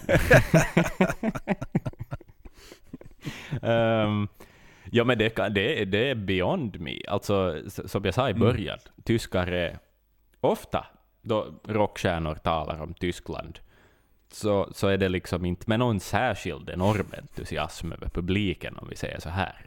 Mm. Liksom. Det- Så det det är, men det är Europa, förstås. Ska man välja något i Europa så är det tryggt. Det är, en stor, det är ju en stor inomhusarena, Mm. det är det ändå. Ja, i, vi hittar nog ändå inte jättemånga sådana. Att det är ju som nog större än en, en hockeyarena eh, på det sättet. Ehm, Äh, vet 16, och- inte. alltså Lätt att 16 producera. 500 tar den in. ja, ja, men nu är det ju större än uh, Ja, Hartwall. ja. liksom. Jag vet inte vad den tar in på. Och det här var före Friends byggdes och före liksom sådana Mm. saker. Sådär. Um, ja, nej inte vet jag. Men eh, eh, infrastruktur, vad skulle det kunna vara? Ja, Allt och kanske lite som vi... Priset på produktionsbolag. kanske som vi var lite inne på. Liksom det, det är lätt att roada kamera crew dit och det kanske finns, precis som du säger, liksom, att ta upp till Finland, ta till Norden, det är lite sådär långt bort och det är lite, lite för långt norrut och så vidare. Och finns det en risk att det inte blir Mm. slutsålt eller sådär. Men samtidigt som det nu satan inte alltid... Finland vet du, köper till och med singlar och DVDer på topplistorna. Så sådär... Oj, tänk om Hartwall Arena är halvfullt. Liksom, de måste ju sluta tänka så. Alltså det, det finns ju inte på kartan Jo. sådär. Att liksom, ingen kom. Det var ingen som kom. Nej. Liksom med inbjudningar i lådan och vi, vi, vi satt nu inne en annons i Vasabladet att Maiden uppträdde här men, men det var ändå ingen som dök upp. Det, Maiden måste sluta Nej. tänka i de, de dramatiska banorna. De vill Maiden Ja. spela i Norden. Människorna finns där. Punkt och slut. Vi hade ju till och med en fucking poll på vår Instagram eh, där vi frågade om Maiden skulle spela i Globen idag. Pandemi or no pandemi. Skulle du gå? Och en överväldigande majoritet så hade ju gått på Maiden. Skitsamma om det har blivit en Ja, ja, ja. megaspridare eller någonting sånt av pandemin. Alltså så stor är hungern här i Norden. Hade du ställt den frågan i Tyskland så hade det varit två skamliga procent som hade svarat ja. Nein, ich kann nicht. Das ist eine Pandemie. Sehr, ja, wunderbar. Nicht so wunderbar kanske. Keine wunderbar. Det hade ju varit så. Så enkelt är det ju bara. Men, men här går man. På en Ja, ja, ja. pandemi så skulle vi ha 75 procent av de som svarar på vår poll skulle stå på Globens golv och dansa till Clansman. Som, en, som Nico gör i introt i Rio. ja, exakt. Så att, ja, ge oss en chans med den. Men okej, det var billigare produ- det var billigare kameragubbar i Tyskland. Det, det får vi väl köpa och ge dem då. Något Men sånt. skivan är ju producerad av, Något sånt. av Kevin Shirley. Lus, så, så det hör, tycker man ju tycker att man hör ändå på produktionsvärdet. Det är ju inte liksom... Jämför du den här nu med till exempel senaste releasen, Legacy of the Beast, så nu är det ju ett annat hantverk. Det är det liksom nog. Det är det nog dynamiken och, och Det är ett bra sound. och liksom publik och så vidare. Liksom. Men den låter Mm. bra. Ja, det gör den. Den har lite Mm. brister, ska jag säga genast. Och det här minns jag att då jag köpte DVDn och tittade på den, så, så dömde jag den ganska hårt, ganska fort, för att uh, trummorna tycker jag låter dåliga. Inte i allmänhet, men tom Men är det mixen eller är det dåliga. micken? Att de är dåligt mickade just. jag, jag, jag satt och funderade på det här och jag antar att det är ett mickningsfel eller något sånt. För att de har ingen resonans. Alltså, då han hackar på de här stora, som den, de tommarna som virveln är mitt emellan, så att säga. De som är närmast i hand, som i Nico McBrains fall säkert är 14-15 Exakt. tums tommar, som borde ha mycket, mycket mid-range och mycket liksom, till och med lite bas Mm. i sig nästan. Så de har inte, man hör nästan bara skinnet Mhm. Eh, på ett konstigt sätt. Och eh, det, det liksom smattrar på som pafflådor. Det, det, det är bättre på vissa låtar och det är kanske vissa tommar som låter sämre än andra. De höga tommarna låter bra. Och då har ju De Nico ändå ut... Du vet, Hallowed och, och då har ju ändå. Nico utbildat är ju viktigt det också att byta bakskinnena. Så är det. Så är det ja. Så jag tror nog att det är en mickningsgrej. Mm. Och Vilket är ju en, annan jävla sound- blunder med tanke på att någon visste ju att det här skulle bli live-DVDn och upptagningen och så vidare. Ja, ja. Jag, jag, jag vet inte vad det är. Men det kan, ja, okej, det kan hända att jag dömer det lite för hårt också. Inte, jag skulle inte skruva fram ett lika bra trumsound i alla fall, men det är ändå något jag reagerar på. Sen en annan liten sak, en annan, bara en liten sån här, är att uh, har du någonsin reagerat på att det är ett ganska torrt sound för att vara en live-inspelning? Att det är ganska, man plockar liksom in publiken då Ja, den episodvis. behövs, Ja, men den är mm. inte som hela, vid, hela tiden med. Nej, Ganska lätt glömmer man att det är en jättestor hall. ja, det håller, ja exakt. Nej, det håller jag med om. Det håller jag med om. Det, det, det är precis som du säger. Fear the Dark-delen naturligtvis, de stroferna Mm. där och så vidare. Då mixas den in, men jo, det är nästan lite så här eh, när de gjorde sin i, i Abbey Roads lite sådär. eh, På, under Mm. Amolad-tiden var det väl när de gjorde en sån här liveinspelning där. Det är nästan lite sån känsla faktiskt över det att de, de spelar studiolåtar live i en studiomiljö nästan emellanåt Ja, faktiskt. Ja, ja, Så ja. det, det, det kan jag hålla med. Men, men, men bara för att återkomma till trummorna. Så, Mm. så jag menar, Kevin borde veta hur trummorna ska låta för han producerar ju skivhelvete och nu producerar Jo, han ju jo, live, live-skivan. Så jag skyller ju, jag väljer att inte skylla det på Kevin utan men, men samtidigt, vi var inne på det. Hur vet man att det här är en live-DVD? Det är klart att liksom Bruce och company vet att okej den här kommer att hamna och förevigas så att säga. Och då borde väl informationen ha gått vidare till den som mickade upp Nikos trumset och så vidare också. Att okej, Ja. nu ikväll är det lite extra viktigt att vi gör allt Mm. rätt. Att jag vet att vi är lite trötta i i Hoffman Estates kanske och inte sätter liksom hela manken till. Men den här gången Nej. så ska det vara bra. Den här gången ska det vara perfekt. Ja, så är det. Så är det ja. Jag vill minnas också, är det i dokumentären de har något, det finns på DVD någon sån här, man följer med Road Crew. Eh, Det gör man. Absolut. Det Och där är det en, en ganska dryg trumtekniker med, jag kommer inte på vad han heter, som liksom väldigt sådär väldigt gott självförtroende då han stämmer Nikos tommar och snackar lite skit om Nico till och med ibland och Mm. allt sånt där. Så, att, så där finns det lite en sån här misstanke om att är det han som har lite för mycket piss i huvudet och inte har gjort riktigt gott ifrån sig. Jag vet inte. Jag vet inte vad det är, men någonting har gått lite snett. Nej, nej, men någonting måste ju vara med det där faktiskt. Och, och, ja. Mm. Det är arena till arena och det är ju det som är liksom... Nu, nu, en, en fråga, nu kommer den dra ut på tiden, men det är klart att alltså det här var ju en inomhusarena. Den gick av stapeln, liksom började i oktober tror jag det var och, och, Mm. och slutade då i 21 första har vi lärt oss i Helsingfors. Mm. Så det vill säga alla europeiska spelningar gick av stapeln inomhus. Det måste ju ändå vara lättare att mixa, om man du tänker front of house och så vidare, liksom, Mm. att ha ändå samma semistorlek på ishallar Mm. än att vet du, gå från fotbollsstadion i Sydamerika till en liten ishall till ett stort fält i Hämeenlinna. Mm. Sådär att du, lite lättare tror jag att det är för ljudmixare i front of house att ha någon typ av ljudbildskontroll. Mm. För du vet hur det lite slår i läktarna och så vidare och taken. Att det är så jävla skill- stora skillnader är det inte på en liksom, vet du, 10 till 20 000 capacity indoor arena i, i Mm. form av ljudbild. Ja. Det är stolar och så vidare. Och Samtidigt så är det ju ändå rum. Jag menar, taket kommer ju också vara en del av resonansen i rummet på något vis. Att, att plockar du bort taket så tror jag nog att det är lätt jag tror att det är lättare att få ett bra sound utomhus än vad det är inomhus. Är det så? Jag, jag misstänker det, för att där fysiken kommer att mera att vara densamma. Vet du? Mm. För luft är luft på något sätt. Nej, för då kommer vi ju in på det här med, med, med Maiden England på Friends Arena då som jag såg 2013 kanske det var.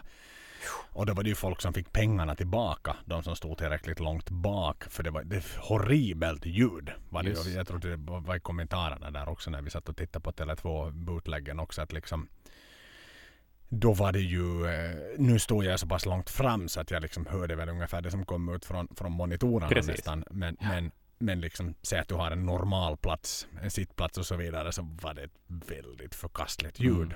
Mm. Så att, ja, det ligger säkert någonting i det du säger att det ljud som försvinner upp i, i, i himlen till Mm. Gud Ja. som de får lyssna på när vi dör och kanske får lyssna på en livespelning. Och det, Så- så- det, kanske här har vi svar. Det kan vara att det här är svaret. Det kan hända att vet du, low-midden i de här tommarna resonerar dumt i den här arenan också. Det kan hända att det är mix, vet du, ett, ett mixbeslut. Det är också en möjlighet.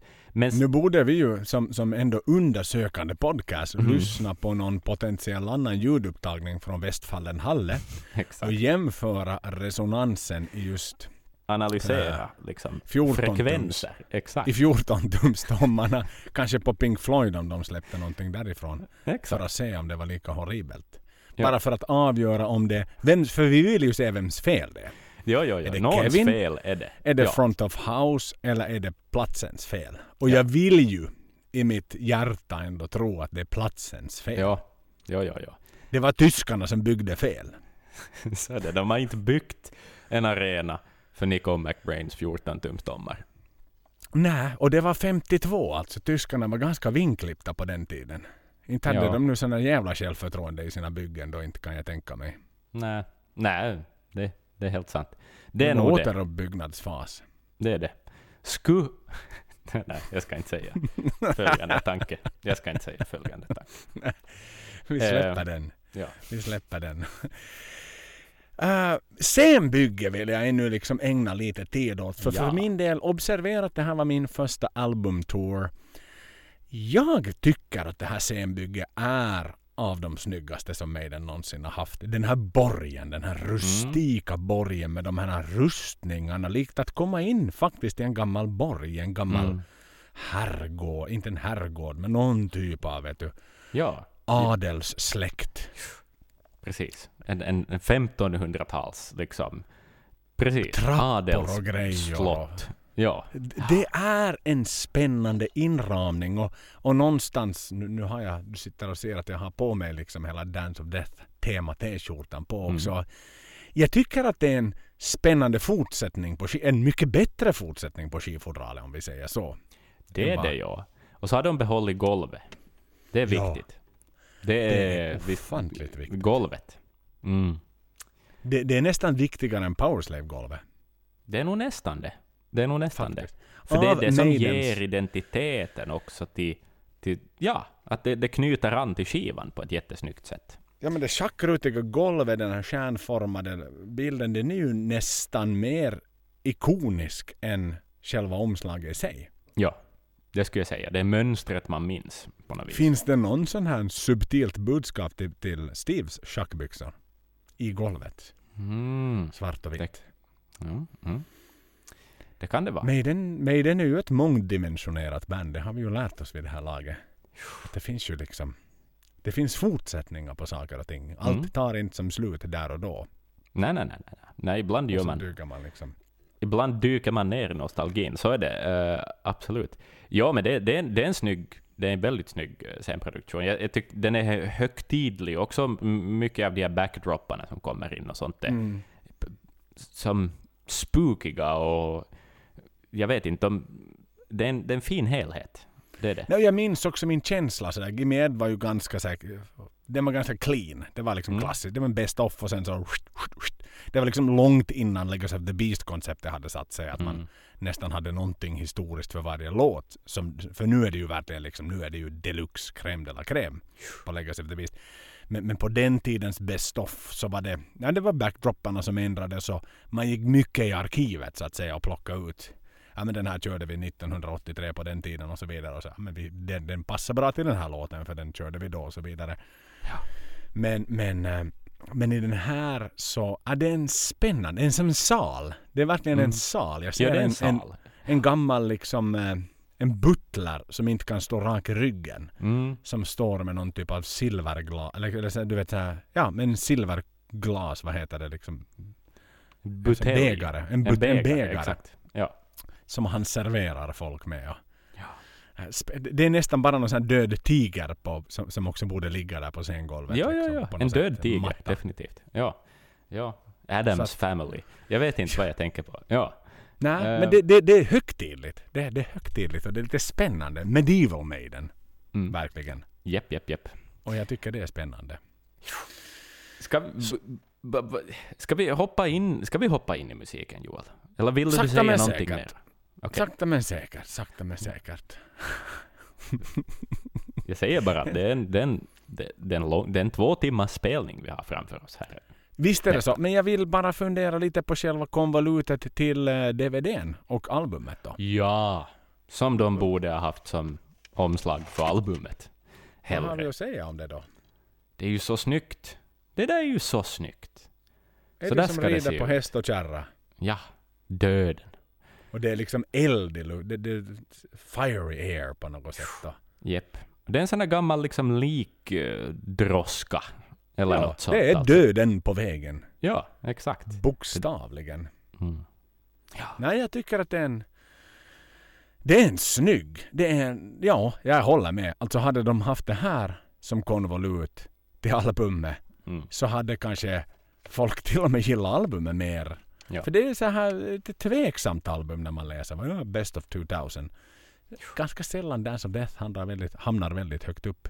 Mm. Och jag tror Tyvärr. det delvis har att göra med det, det liksom väldigt negativt omtalade konvolutet på själva skivan. Men Ja. det är en snygg. Det är en jävligt snygg. Och han är ju välkänd för oss. Eh, artisten bakom själva konvolutet här. Exakt. Melvin Grant. Precis. Final Frontier väl? Jajamän! Yes. Jajamän! Jag hade just tänkt fråga vad, vad, vad det namnet säger dig. Vi har som sagt flertalet gånger pratat, och, pratat om honom och trillat över honom tidigare avsnitt. Och inte bara Final Frontier utan han är ju faktiskt arvtagaren efter Derek. Det var han Ja. som ritade det första albumet när Derek tackade för sig, nämligen Fear the Dark-trädet. Just det är han det. Som, har, som har skissat upp. Sen fick Det han inte också. förtroende på det absolut vackraste konvolutet Maiden någonsin har gett ut, X-Factor. Men Nej. däremot på uppföljaren, så det är han som har illustrerat den här pojken med 3D-glasögonen och den här fotbollsmatchen. Precis, ja. Bra stil. Bra stil måste jag säga. Och de En där fåglarna, eller vad det nu var för naturbilder, det var ju nästan lite sådär handmålat på vissa ställen. Ja, men han har en handmålad look Mm. i sina omslag. Han hade ja. Ja. Och så gjorde han ju, minns du den här Best of From Fear to Eternity? Det var här, vet du, 90-talet och framåt och Fear the Dark och framåt så gjorde man ju Best of. Så här som kom extremt diskret ut. Så här långt efter, eh, vad hette den här, Edward the Great. Som ju var en Just slags liksom, det. så här 2000-talets Den kom efter den. Ja, så gjorde man ju en liten sån här mjölka Ah. kossan-variant på att okej, nej, men nu ska vi ha någonting från 90-talet och framåt. Med typ Ja. du, Wicker Man och Blood Brothers och Fear Mm. the Dark och så vidare. Så den har han också gjort. Och eh, Benjamin Brigg, sinkon, som du Just sa. det.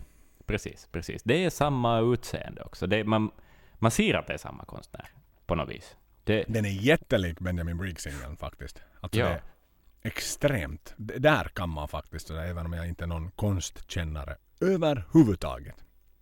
Så är det. ja, det, är någonting, det finns en rörelse och Ja. liv i bilden på Ja, något vis. ja Mm. men det är liksom nästan som det ska vara en GIF på något sätt. Ja. Den, här, den, den, i mitt, när jag tittar på den så i mitt huvud fortsätter bilden i någon typ av rörlig rörelse. Ja, exakt. Att det är liksom en... Ja, precis. Inte likadan detaljrikedom som Derek, men det är något sånt här swooshande över. Det är ett swooshande. Ett exakt ett swooshande. Precis. Ja, du, du vet när man tar med, med en iPhone, en sån här, vad kallar en typ av bild. så här, det Live blir- photo, tror jag Exakt, det när det blir som Ja. en liten sån där Wah, Ja. på slutet. Exakt. Det är så med hans. Han tog ett live-foto redan innan Apple hade hittat på det. Precis. Men nu är det hög tid att hoppa in i musiken. Vad heter den där maffiga introlåten? Vet du det? Nej. Nej, Det är, jag, ju, jag, det är ju på den tiden när Maiden. Det var Art, Arthurs speech på Brave New World. Och det är ju samma stuk man har fortsatt med. Det, det är. Det, stora, det orkestrala verk. För det här, är det, här, det här är ju inte samma som i Rock in Rio. Nej, det är Arthurs speech som är Exakt. Rock Rio. Det här är någonting annat. Och jag blev så nyfiken, vad tusen heter den här klassiska, klassiska verket? Men, ah, det, du vet, det är Bergakungens sal. Liksom. Ja, precis. Sån här. Nivå på det. Hypa upp någonting innan medien kommer. Och sen då? Vad händer då? Sen Då händer börjar vi. Låt nummer ett. Wildest Dreams. Och jag tänkte så här istället för att säga vem som har skrivit den, för det har vi repeterat tidigare, Mm. så kommer jag bara säga vilken skiva den finns på. Ja, men det är bra. Låt nummer ett. Wildest Dreams. Dance of Death. Ja, Varsågod Axel tack. Alltså det här är ju... Eh, vi, vi, vi har mycket musik framför oss. Jag kommer vara ganska kortfattad. Vissa låtar tar jag mera tid på, där det finns mer att säga. Men bra energi. Och alla gör väldigt bra ifrån sig. Och det är också här jag någonstans funderar på har det filmats flera spelningar? Är det här en anledning till varför man har valt den här? Att göra en DVD av den? För att de gör bra ifrån sig. Det är Mm. tight, det är energiskt, det är med självförtroende. Och, och det verkar också som att publiken tar det här väldigt bra till sig. Så att all in all, vet du, singeln från albumet man turnerar för, och det fungerar. Det är väl ett lyckat koncept? Jag, Absolut. Jag, jag tänker inte säga himla mycket mer än det. An, an, liksom, Okej, visst, vi, jag, jag kommer komma in på Steves klippteknik och allt det här, men det, det tar jag sen i ett senare skede då man reagerar lite extra kraftigt på det. Men vad ska jag säga? Steves klippteknik, den är ju i... Den är on par med energin i spelningen. Mm. Korrekt och riktigt, korrekt och riktigt. Nej men som du säger, och jag minns att det här, den här spelades ju faktiskt på liksom turnén innan. Då, då, intro, då gjorde man ju en sneak peek och spelade liksom kommande singeln. gjorde man ju att liksom. Och gänget var med. Och, och jag minns att det fanns någon DVD eller vad det nu var. Intervju när han pratade om det där med att man spelade den här som en Never heard på turnén innan och alla var såhär. Mm. Gänget var med. I'm on my way. Liksom så här redan i andra, andra gången han sjöng det så att ja men det här Mm. kommer att vara en given succé. Det blir, det blir bra med Dance of Death. Det blir bra med Maiden i framtiden. Allting är fint, allting är fröjd liksom. Maiden har en framtid. Vi såg våra frön och vi skördade dem också. Men hörde du, du äh, jag vill ändå lite poängtera det här med klippet redan nu. För jag har Okej. tänkt så här och jag har läst och jag har hört och jag har poddar har pratat om det här. Mm. Äh, klipptekniken och Läser du vilken som helst kommentar på Youtube eller vad fan som helst på ställen där man kan kommentera någonting. På min DVD som jag håller upp för dig rakt nu så kan ingen kommentera utan det är en trygg liten bok. Ja. Exakt. Den är tyst. Den pratar inte till någon förutom till mig. Det är tre CD-skivor som skranglar runt i den. Det går inte att kommentera den. Jag kan lägga post-it-lappar i den om jag vill. Ja. Men sen tar det Exakt. slut. Så nu måste jag gå in i källor där folk kan ha feedback om saker och ting. Mm. Och eh, det, det, det, första jag läste var ju att Very good, but don't let Steve into the editing room ever again. Nej. Men där har han ju varit. Både före och efter. Ja. Många, många gånger. Och, och jag gjorde en liten så här challenge åt mig själv. För att jag tänkte att så här okej. Mhm. Nu ska jag räkna på en minut. 60 sekunder från att då Niko slår Oj, in med hi-hatten. Nej, nej, jag vill inte När Niko slår in med hi-hatten efter introlåten. Ja.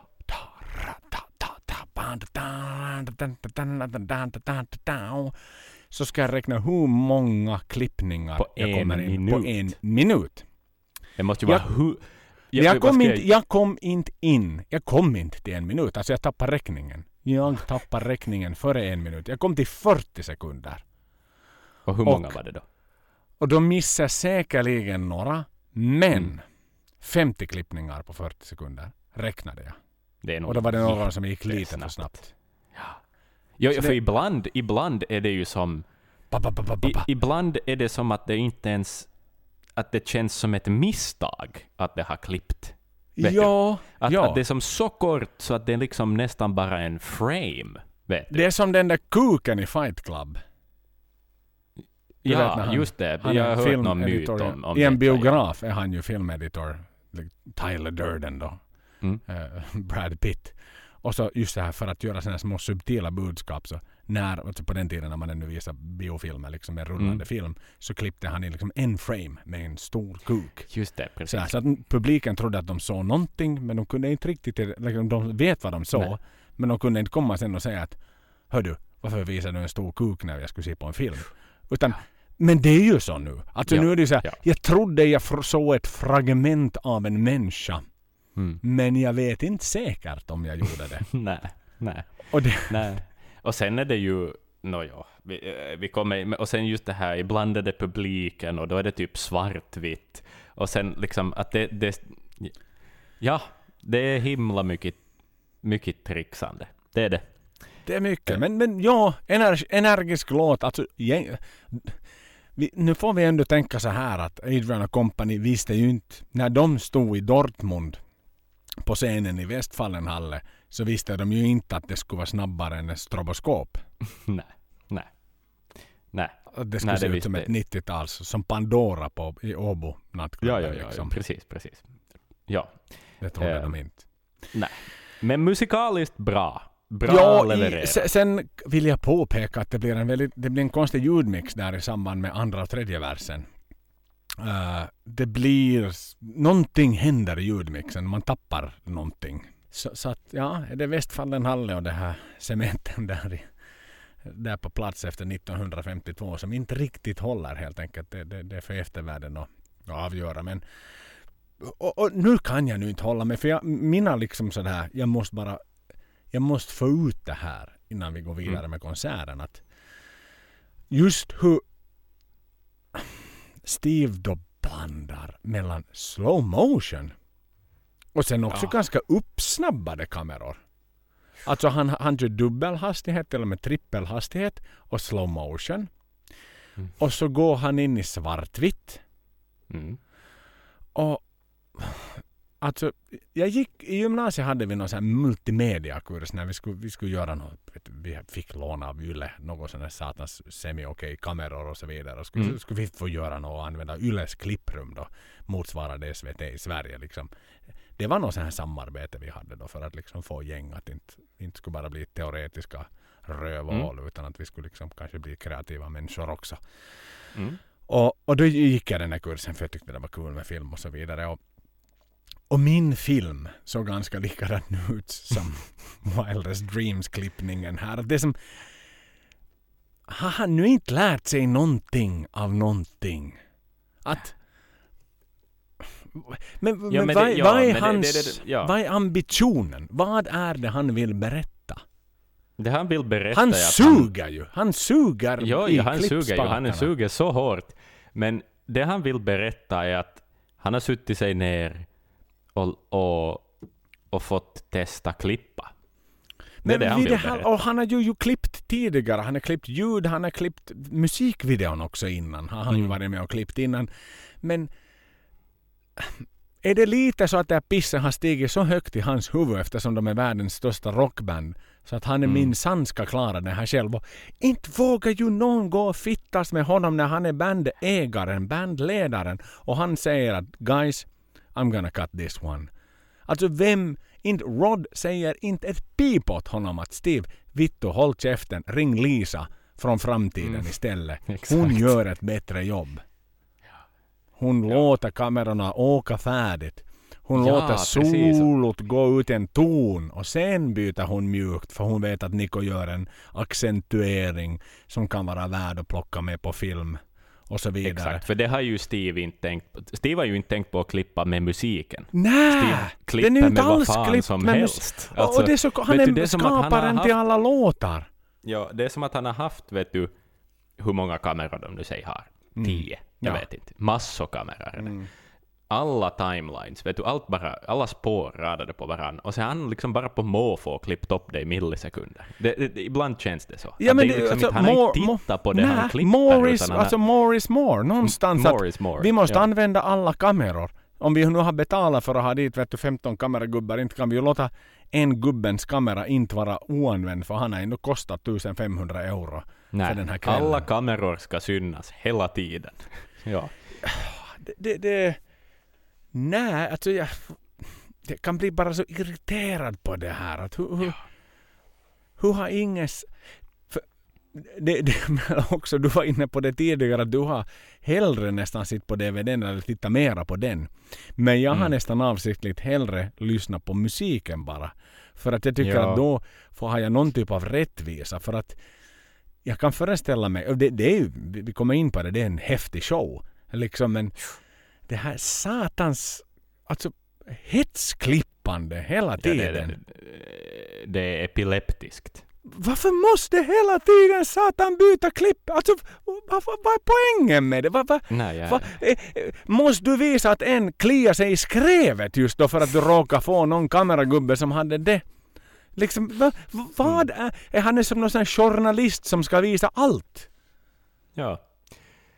Jag vill Ja. fatta, jag vill krypa in i hans hjärna och förstå att liksom i klipphuvud, när du klipper Death on, och nu fattar man att den har tagit ett halvt år senare att ge ut en, en DV, vilket också är ganska pladask. Och ofta Ja. ger du väl ut både bo, båda grejerna sam, samtidigt, som en Ja, någon typ av samtidigt. bundle.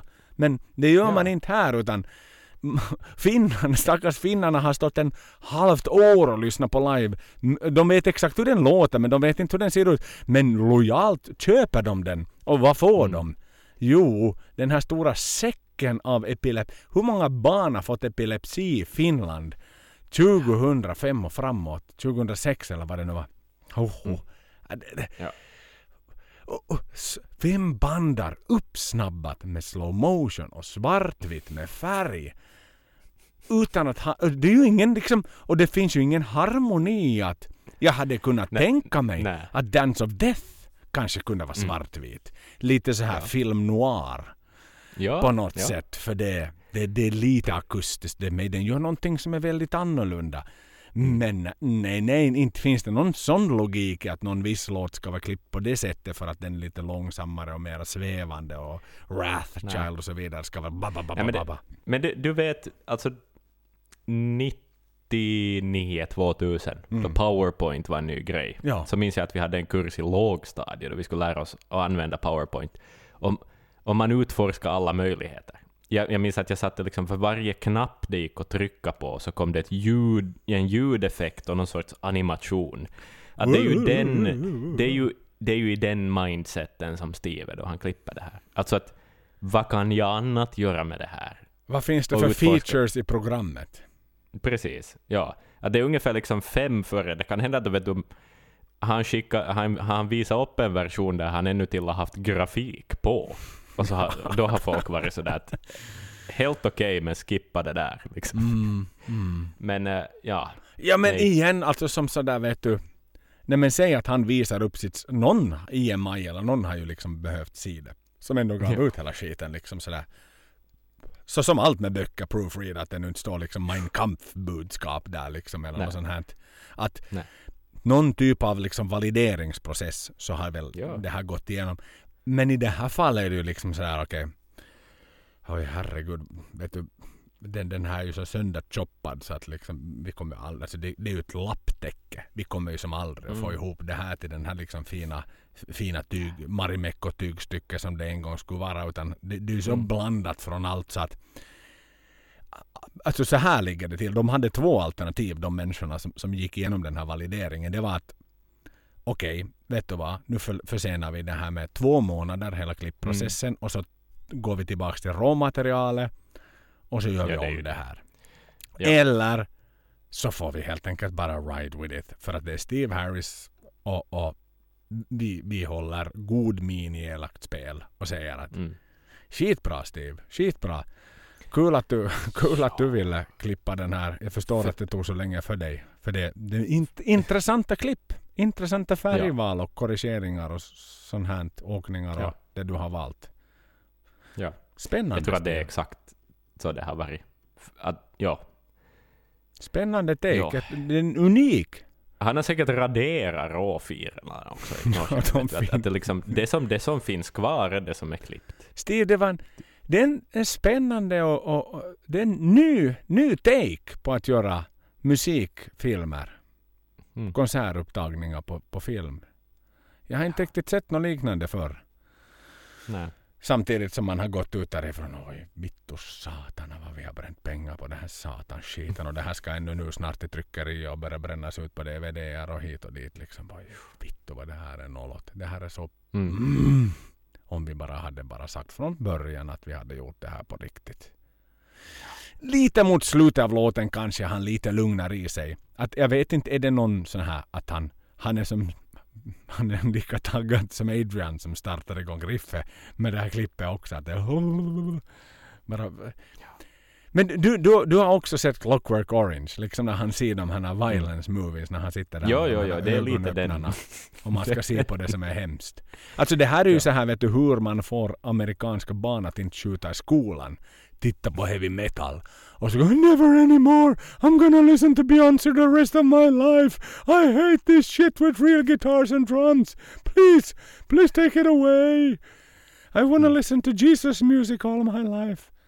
Exakt. Ja, Nu går vi vidare kanske till vi har fyllt låt. kvoten av... Med andra ord, Maiden-podden... En sista liten grej. En sista liten Okej. grej om den här låten. Ja. Ja. Hans, du vet när Nico gör sin, sin dubbelpedal. Pa, pa, pa, pa, pa, Mm. pa, pa, pa, Mm. det på slutet. Med enkel palad då. Han, det, han ser ganska problematisk ut. Det är inte lätt för honom att, att köra det där. När han ökar han har nog tungt. Han, han ser ansträngd ut. Det var det bara det vi ville säga. Vackert. Wrathchild Killers. Mhm. Skum andra låt i, en setlist. Men, eh, men det funkar ju. Jag menar, de håller ju energin uppe. Vi har fått en ny låt först. Nu kommer det, nu kommer det hederlig gammal nostalgimusik. Vet du, något som alla vet på något sätt. Väldigt tryggt. jag hade varit glad i publiken. Jag skulle ha varit extremt glad i publiken och få Wrathchild så här tidigt på konserten. Vet du? Jo, det är ju vanligen en encore nästan. Jo, jo, jo, exakt, precis. Så att jag, jag, jag säger inte himla mycket mer än, än det, än skumt andra val, liksom, ja, skumt val av andra låt i en setlist. Men jävla bra låt. Ja, men jävla bra låt, exakt. Och Dortmundianerna är ju pigga och alerta när han då gör sin, den här, du vet när, när Steve också Rothschild! De, de, är, de är på hugget. De gillar det Jo. jättemycket. Hög energi, faktiskt. Ja, Mm. faktiskt. Och, och här får man ju lite se, om man hinner, Mikos design på trumsetet. Det är snyggt. Det. det. är, det är ju samma design som scengolvet. Det här liksom, Mm. Mm. typen. Mm. Och, Det där, och, och så lite, ja. vi- vill jag framhäva Janix, de här lite halvsmutsiga, du vet, lixerna och sånt här som han Mm. plottrar in. För det, det här är en gammal smutsig låt som har spelats på pubbarna i England. Liksom. Så gammal är den här låten och den överlever till 2004 i Dortmund. Så att eh, det, det här med en, så- en energisk, liksom, det, det är ju ett dynamitpaket du kommer levererandes med som andra låt. Som inte har någonting med det här att göra utan hela vägen från album nummer två, Killers. Det, det, Mm. Så här presenterar vi vår Dance of Death World Tour. Men Ja. I like it. I like it very much. Ja, ja, ja, faktiskt. Faktiskt. Hade inte väntat mig det. Nej. Så. Och mer sånt And kommer. on we shall move. Can I play with madness? Seventh son of a seventh son. Återigen, skumt placerad låt. Ehm, det här är en mystisk setlist, verkar det som. En album tour. Eh, en albumtour, och vi har haft en singel, och sen två gamla låtar. Och inte heller... Det är inte, så att, det är inte som att det är Trooper och Number of the Beast de sätter i början av spelningen heller, utan det är liksom... Ja, jag, jag vet inte varför de är här. det är bra men det är låtar bra. men det är ju sådana här... Inte det är ju en dunderhits. Nej, nej inte, nej, inte dunderhits, men liksom helt, helt stora hits. Mm. Men det låter ju som att Bruce, jag re- jag reagerar på det, som att Bruce sjunger Can I play with Agnes? Har, har du tänkt på det? Nej. Det låter helt som Can I play with Agnes. Men är det inte Adrian och Steve också som öppnar? Och, och tutar med? När de kör? ja, men det... det någonst- ja. Ja, ja, men Bruce, han, han har någon finurlig grej. Det är nästan som att det är medvetet. Ja, Alltså under, under refrängerna? Överlag? Ja exakt. Ja, ja men, men för den här öppnas ju med att Can I play with madness? Exakt. Och då är det ju inte Bruce som sjunger. Nej, och då är det Steve och Adrian Bara backing. som Yes. öppnar. Da, da, da. Japp. Mm. Ehm, vad kan jag annat uh, musikaliskt reagera på? Att det är, en, det är ganska rejäl tempohöjning till refrängen som händer. Eh, jag vet inte om det alltid gör det, eh, liksom ökar lite i tempo, att det något som är medvetet, men det är extra tydligt i den här versionen. Ehm, ja, men uh, ja, en hit. Ja, det är ju Poppigt är ju. verkligen en hit. Och än en gång som jag var inne på promoturnén för Dance of Death. Och den, den låter ju oerhört bra. Men det måste ju ha varit ganska länge sedan Maiden spelade just den här live. Nu är jag osäker om det var på, på Ed Hunter Tour. Eller om man rent av spelade den på Gimme Ed Till I'm Dead. Också Mm. Can I Play With Madness. Det det är ju en solid klassiker från Seven Sun. Alltså det är ju det är ju popfaktorn från Seven Sun. Det pratade vi väldigt Mm. mycket om då. Att vi tyckte att det var en ganska udda låt på ett extremt progressivt album. Mm. Mm. Men låten är ju omejdensk. Ja, otroligt omejdensk. Och, och att det kommer som tredje låt in på en, på en skiva som är väldigt episk och någonstans ett fördjupande koncept från Brave New World. Ja, och Känslor ja, exakt, och en liksom väldigt allvarsam skiva och, och sådär. Uh, visst, Rainmaker och Wildest Dreams är lite upbeat och sådär. Feel good låtar på något sätt sådär, men, men, eh, men annars en ganska tung skiva. Mm. Det är det nog. Um, mm. Kanske därför det behövs en... eh, Lätta upp en, jag vet inte, men, men man har ju inte så här, man behöver lätta upp men man har ju inte tyngt ner publiken ännu. Utan Nej. gäng är ju fortfarande liksom på tårna, alltså som med boxningsdojor på liksom står och man är ju inte i tolfte rund, 12th round i boxningsmatchen ännu utan man har ju kraft kvar liksom och, och ge Ja, ja, järn. men, men det här är liksom, vet du, man pumpar folk fulla med kolhydrater så att de ska orka genom maratonet Mm. på något vis. Sådär. Det är Nå, lördagsgodisen sån. nu Ja, till ja, barnen. Exakt. Så att det är sockerfyllan sen när man börjar berätta de här tråkiga H.C. Andersen-sagorna. det måste ju vara något så här resonemang liksom att Nå vad är vittu Disney-kanalen tog slut nu. Nu börjar det komma någon sån här jävla bilderbok här med någon tråkig ja, Sovjetiska gamla barnprogram. Exakt. exakt. Vad Ja. är det som kommer? Men inte är det ju slut här. Nummer fyra. Nej, nej, nej. Det är Trooper från Peace of Mind. Som man Ja. bjuder in med på, på, på en albumtour. Sådär, jajamän! Huh. Um, Long Gone is alltså, Rockin' Rio när man kör som låt nummer två Ghost of the Navigator. Ja, ja, efter ja. Wicker Man. Alltså det här är ju en hitkavalkad. Mhm. Deluxe. Ja men Det- för att vara en albumtour så är det ju verkligen det. Men eh, en sak jag reagerar på, det är en rolig, rolig version av Trooper. Ehm, jag vet inte också, det kan hända att jag, liksom, jag minns inte allt av allt. Men eh, då Janik och Adrian spelar unisona solon. Mhm. De båda, båda spelar solo. Wow. Både Janik och Adrian spelar Adrians solo i Trooper. Jävlar! Det är fascinerande, måste jag säga. Parallell Eh. landning. Som är flygplan. Japp. Helskotta Det så coolt. Det är ju skithäftigt. Och jag vill- Bra energi i Trooper Ja, här. det är nice. Men jag vill också påpeka att sådär vet du, jag hatar att ödsla min tid på Trooper på live-varianten. För den finns ju, den, den, som, den är ju alltid bara där och den låter alltid likadan och så vidare. Men, men jag tycker att det här är en så tight variant av den.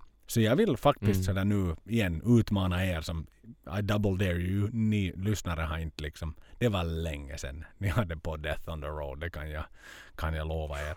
Men just den här varianten av Trooper är väldigt, väldigt tight. Den är väldigt bra. Kanske till och med den bästa The Trooper-varianten som någonsin har funnits. Mm. Så att, Mm. och gäng är ju med. De är ju med. Wow, wow, wow. Tyskarna levererar. Men är det det att det är de här influgna nordborna då som fick tips, tips genom forum som är de som Mm. levererar stämningen? Att de här Mm. vurstätande tyskarna är lite sådär, är lite, vad ska vi säga, de är inte riktigt varma i kläderna ännu. Ja. Kan jag inte svara på. Men du kan spekulera. Det gör vi i Ja. den här podden. Ja, Det är en så är spekulativ podd det här. Vi, vi, vi, vi, kunde vara konspirationsteoretiker mot covid-vaccin. Ja, ja, ja. Och liksom han... Massa... Och det är så mycket som går vet du, som okommenterat förbi som sanningar också på något Exakt, sätt. Sådär. exakt. Det- Ta inte, ta inte något vi Nej, säger här ta det med en enorm nypa salt. Och ta det med er egen uppfattning. Liksom. Det hoppas jag att ni gör. Liksom, och faktakollar allt vi gör. Mycket bygger faktiskt på böcker och så vidare. Men det lärde vi oss av, av, av Mr. Lucas här i förra avsnittet. Att den här eh, senaste Run to the Hills-biografin kanske inte heller bygger helt hundra på fakta. Ja. Yes! Men vet du vad, det följer ju trots allt någonting efter denna kavalkad av gamla godingar. Dance of Death från, hör och häpna, Dance of Death. ja. Ah, det är ju, nu, nu är det ju produktion här. Nu har det varit liksom hitkavalkad och, och inte himla mycket fokus på någon sorts estetik eller, eller stämning och så vidare. Men nu är det ju inne i teater Mm. på något sätt. Och den här masken på Bruce som... eh, Visst var det så att han köpte den i någon sorts erotisk affär? Nej, det var den, det var Powerslave-masken Det var Powerslave-masken. som han Just köpte. det. För det här är inte samma mask. Nej, det Nej, här är inte samma mask. Nej, det är ju den där hår, liksom lite hår, så här halvt det. Det här är ju Så det här mer är sån här eh. Venice, alltså vad heter det, venetiansk. Sån här eh, maskeradmask. Exakt. Exakt. Ja. Eh, det Eyes, eyes wide shut. Precis. Just sån mask. Sen är det ju tändare i publiken. Ja. Det ser man ju inte mera. Man Man ser inte tändare, nu är det bara smartphones och ficklampor. Vad är Liksom. vittu? Nej, fan ändå vad du... Ja, Allt är inte bra med den digitala eran. nej. Tändarna är nog mer stämningsfulla. Det är ett varmare ljus. Jo, än de här jävla Eh. LED-belysningarna från ficklampan i, i telefonen. Nej, jag håller med. Ja, det är så bländande. Uh, Janix akustiska gitarr förstås. Eh, det är ju en väldigt smygande låt. Mm. En, en, en långsam början och en väldigt dramatisk. Men eh, en sak jag fäster blicken vid är liksom glädjen och entusiasmen i Nico då han äntligen får smätt igång kompet i den här låten, som är ett tungt komp. Och han gör det liksom med en, en helt underbar iver, uh, som är fin, som syns kort i klippet, förstås. Um, och uh, ja, ja, inte vet jag, det, det är ju... Den mattas ju ner, spelningen, dynamiken liksom. Det, det sjunker ju här efter Trooper och, och, och alla hits vi har hört. Men det är väldigt välkommet tycker jag. Uh, den är ganska bra placerad på något vis. Att, att det var en inledning med hits, men nu är vi inne i det här som vi, vi kom hit för att göra på något sätt. Att man har värmt upp publiken för det här. Um, ja, um, en... Ja, nej men det var här någonstans också som jag reagerade på det här första gången med, med just att soundet är ganska torrt Mm. på den här eh, inspelningen. Att jag, jag vet inte, kanske det är det här Steves frenetiska klippande som får mig att glömma bort kanske att soundet är så torrt. Att det blir liksom en... Det, det är så mycket att fokusera ögonen på så att jag liksom glömmer att tänka på soundet, men det är här någonstans det blir, det blir så. Ehm, ja, inte vet jag. Um, tja. Mm. Eh, så- ja. Det, den, sen vet jag inte om den här låten funkar särskilt bra live, Nähä. faktiskt. I, i, allmänhet. Sådär. Men man har den är ganska seg och den är ganska långsam och den är... Den är kiva på skiva, men jag, jag vet inte om, om jag tycker jättemycket om den live. Men man har ju kört den förr.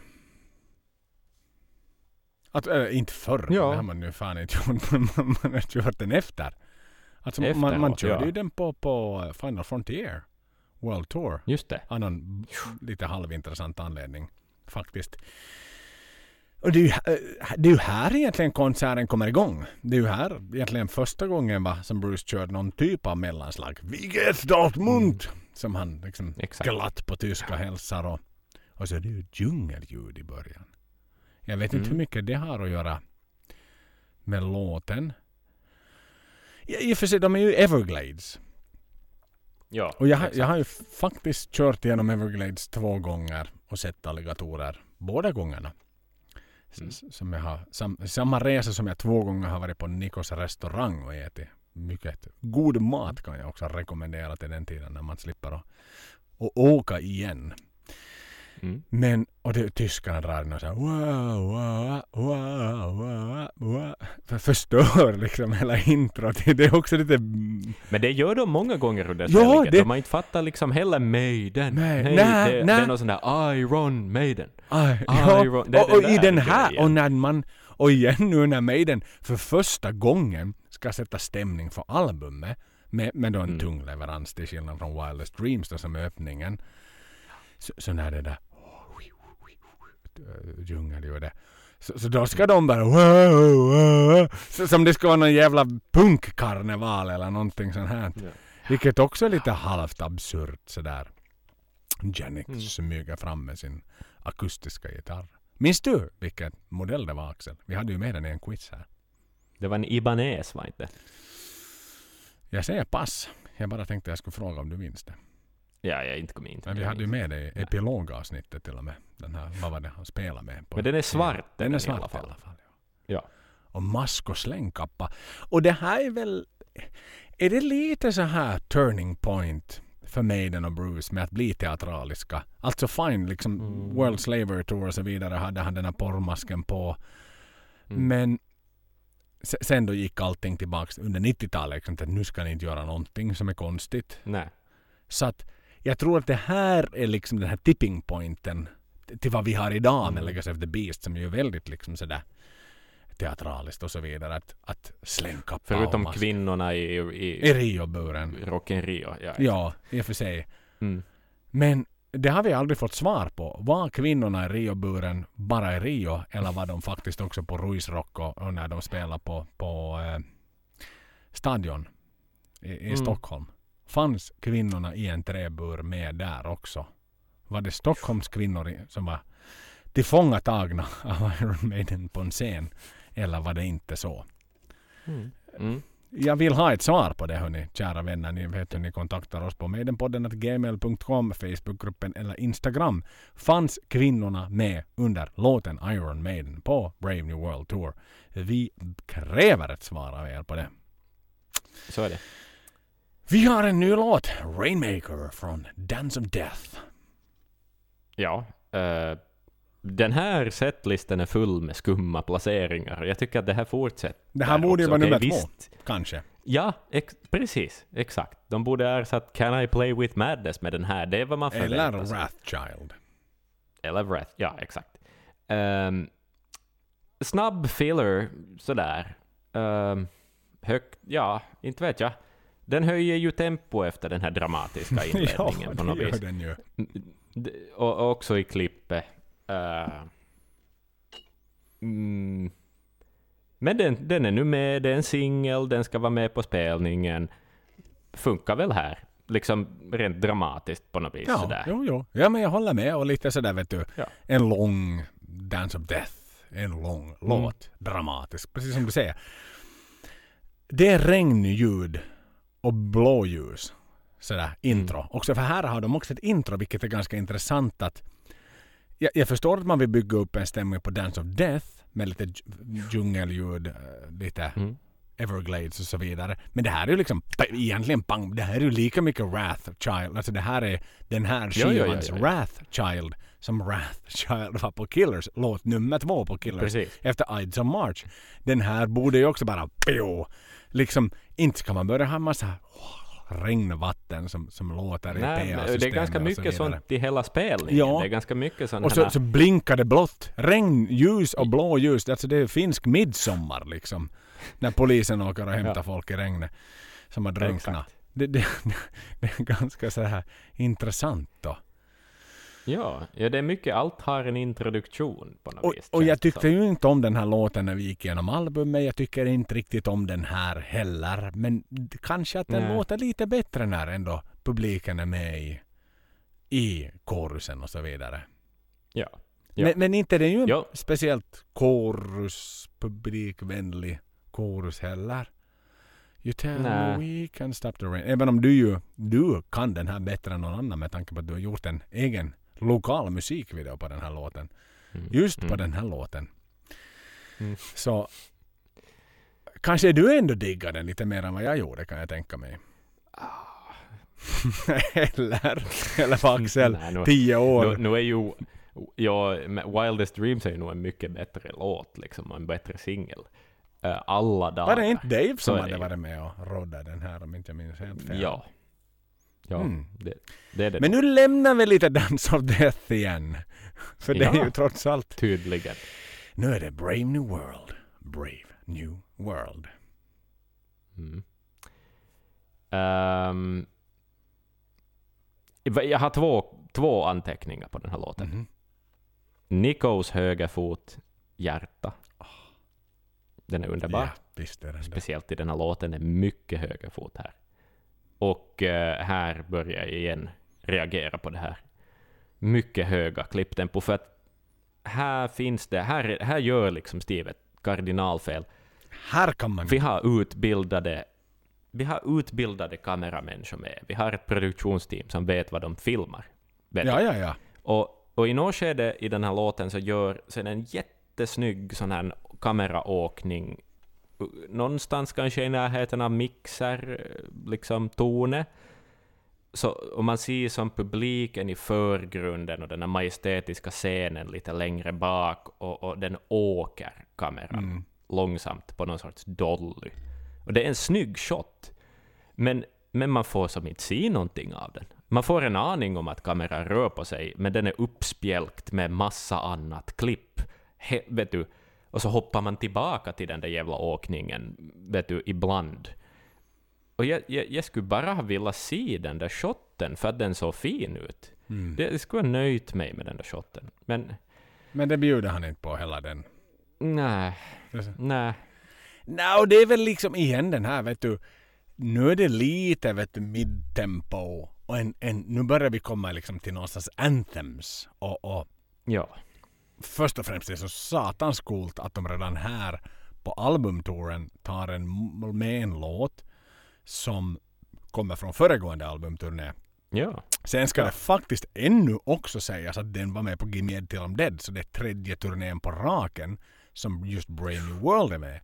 Men, men det Mm. är den, den anthemic sång. Ah, brave new world. Dun, dun. Liksom det, du vet att du har med dig publiken. För att du är så Mm. pass självsäker i det att, att föregångaren levererar där. Att den är så... Jag, alltså låten igen. Du har varit mera fokuserad på DVDn. Jag har varit mera fokuserad på Mm. audiovarianten inför det här avsnittet. Och jag tycker att liksom Mm. här, musikaliskt nu när jag inte sitter här hemska åkeriet så, så, så är ju alltså den, den sitter så fucking bra den här låten och de här gitarrerna, du vet i de här i verserna när det kommer den där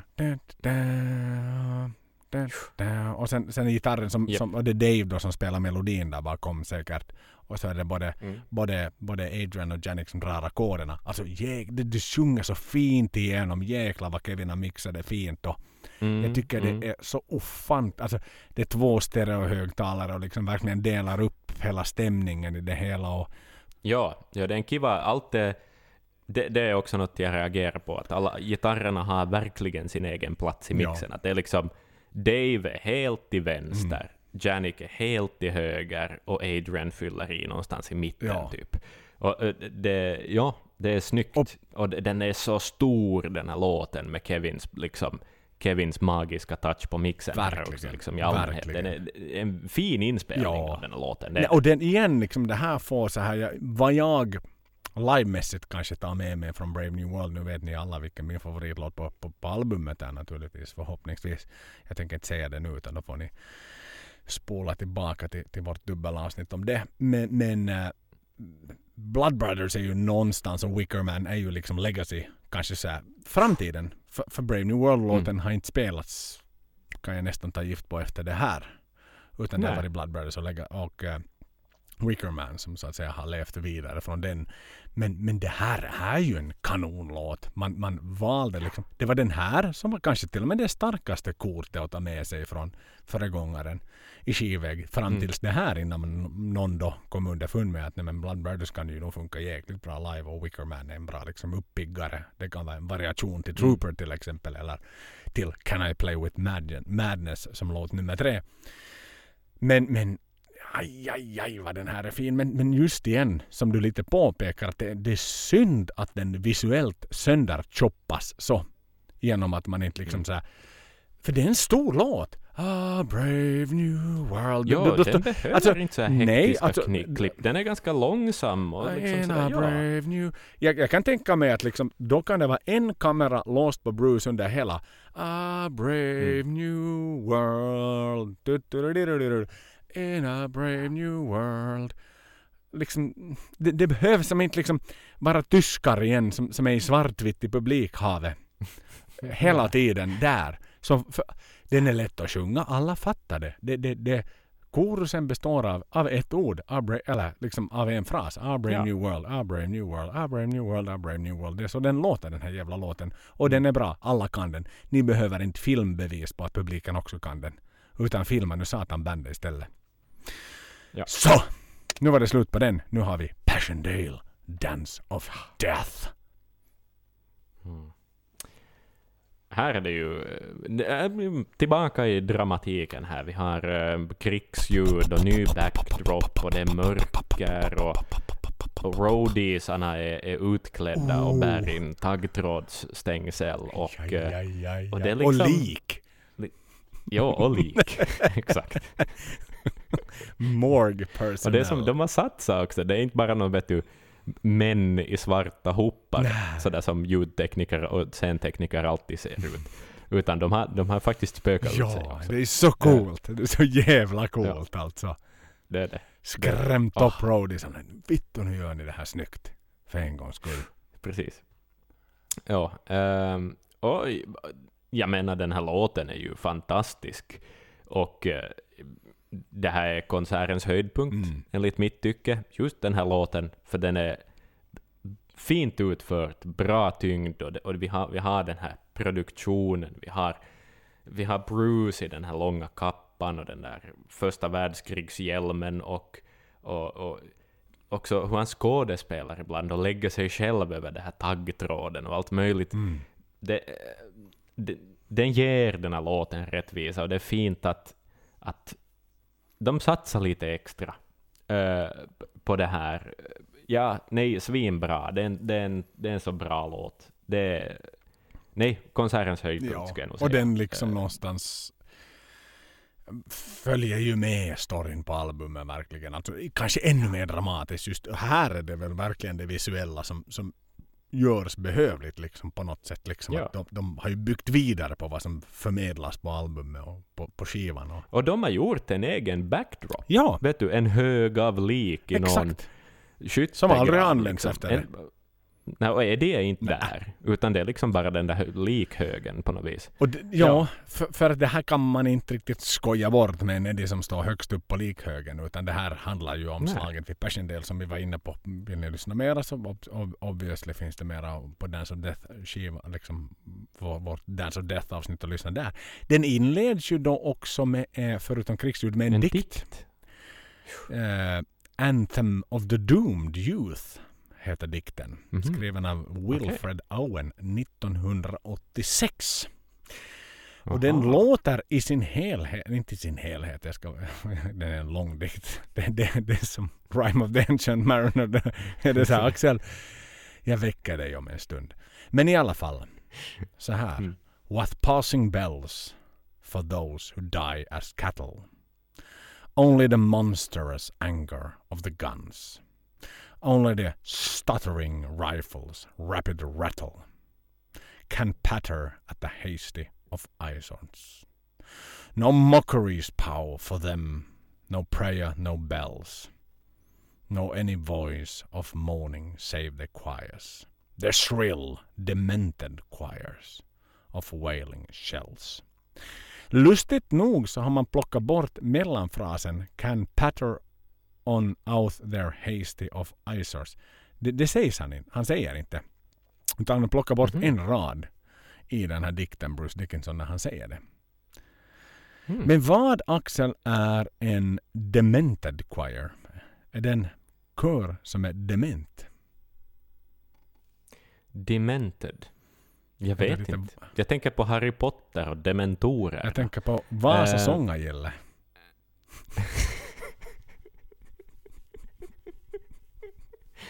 Ja, det kan man också tänka på. The shrill, demented choir, men att av, av vinande kulor. Ah, det är ju, ja, det är ju ja, på ja. något vis kören av vinande Okej, kulor. okej. men, Det, det är inte men vad är Vasa sångagille demented? på julkonsert. nej, det är- Vad var det är- nu jag skulle det är sjunga igen? motsatsen till vin. ja. Nej, det är nog inte någon vinande kula där. Annat än kaljamaggar. Exakt. Och pengarna som Ehm, slängs på disken vid eftersläppet i alla fall. exakt. Ja, men en demented choir. Men vet, det, det är men fint alltså igen och, och för att betona lite det jag var inne på med den här liksom teatraliskheten. Att, att, att sådär, det fanns ju inte med på albumet utan där, be, be, Nej, vem är det Bruce? Jag tror att det är Bruce. Inte det är Steve som har Ja. såhär Bruce, you should add something while the roadies are carrying the stuff to this. What, like a, like a pretentious poem. Ja, exakt. Nej, det känns inte väldigt... Men det är ju Ja, väldigt Steve samtidigt är det ju extremt väldigt Sant, Steve ja. med tanke på att allt han grundar sitt skrivande på är filmer och poems. Så. Ja. Mm, men det är jättekul att man Mm. har valt det. Och som Ja. sagt den är skriven så Det är det. sent som 1986 faktiskt. Ja, exakt. Det skulle kunna vara någon sån här Lord Byron-grej för Mm. att sluta. Var, ja, och, och det liksom. tror jag, det, Eller något som är där tror jag i alla fall att vi gav er någon typ av nyhet. Liksom för att ni har inte kanske orkat nörda ner er. Men att det han säger är ju faktiskt då från Anthem for the Doomed. Men Mm. vi har ju någonting efter det här. Nu är det hux flux tillbaks. Nu är det Lord of the Flies från X-Factor. Ja, Hipsan hoppsan. Hippsan hoppsan. Indeed. Hmm. En setlist som fortsätter att överraska. Ehm, ja, eh, jag funderar varför den är här. Varför är den här låten Jag här? svar. Varför Ja, just den vill här du ha låten svaret? här? Nu berätta. Det har att göra med att man på Brave New World Tour spelar Sign of the Cross och att man inte vill pissa helt och hållet på arvet från Blaze. Det var just vad jag tänkte. Politik. Politik, det är politik. Det, den Ja. här är här är politik och ingenting annat. Det är en Ja. kompromiss. Eh, så är det.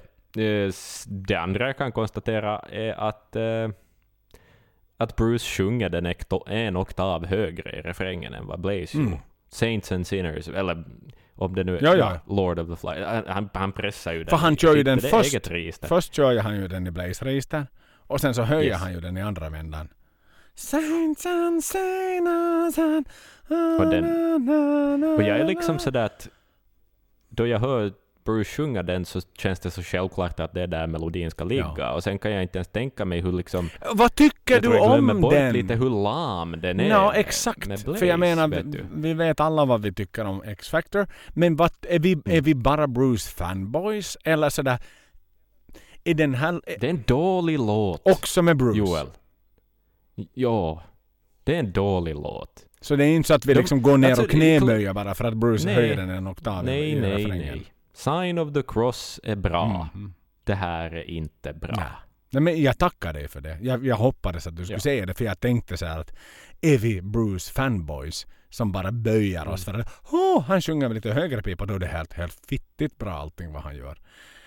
Nej, nej, nej, det är ändå en dålig Ja. låt. Och eh, Janik verkar vara på jättegott Ja, ja. humör i den här låten. Liksom I videoversionen. Han, han För han får dra igång inte. För mycket plats i klippet också. Precis. Ja. Ja. Han ser kaxig Det här är ju något han har varit med och bidragit Exakt. till. Du ändå, sådär. Det, här- det här får Här får inte. Adrian stå Och- längst fram och börja intro. Nej, nej. Och i klippet så har de faktiskt hittat en i front row som sjunger med En. också. Ja, åtminstone en. Nej, och det, jag tror jag var, och jag tror jag var inne på det här också liksom att i, i vår, när vi pratade om det här eh, nå, någon gång i alla fall liksom att jag var ju ganska så här perplex liksom att när, när, Jannik drog igång det här i Hartwall så var jag Mm. "Mm, vänta, vad fasingen är det här? Alltså det, det tog nog sin, Mm. det tog inte refrängen innan jag fattade Lord of the Flies. Ja, jo, det där var ju någonting då från den tiden med Blaze. Men, men, och det var ju långt, det här är herran, det här är ju liksom 2003. Så det, det är för Nästan 20 nästan år. 20 år sedan och liksom jag hade inte nördat med ner mig i den på den tiden på det sättet som jag gör nu. Så då var jag också Nej. vad fasingen är det de håller på med här nu riktigt? Och, Mm. och det var nog, jag var nog fan inte den enda som tänkte så inte. Det var de här italienska. But X-Factor is also a great album. Som, som Precis, stod liksom och kissade på sig av iver. Men nu är det tillbaks till D.O.D. No more lies.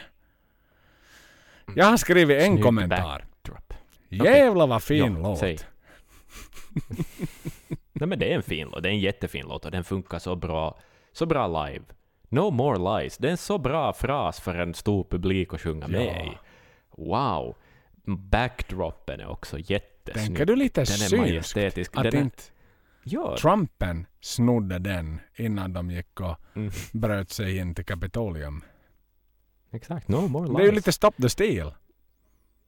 Ja, Va? sätt och vis. Det skulle kunna funka. Kanske den där Iced Earth-gitarristen skulle Exakt. kunna sjunga med i det. No more.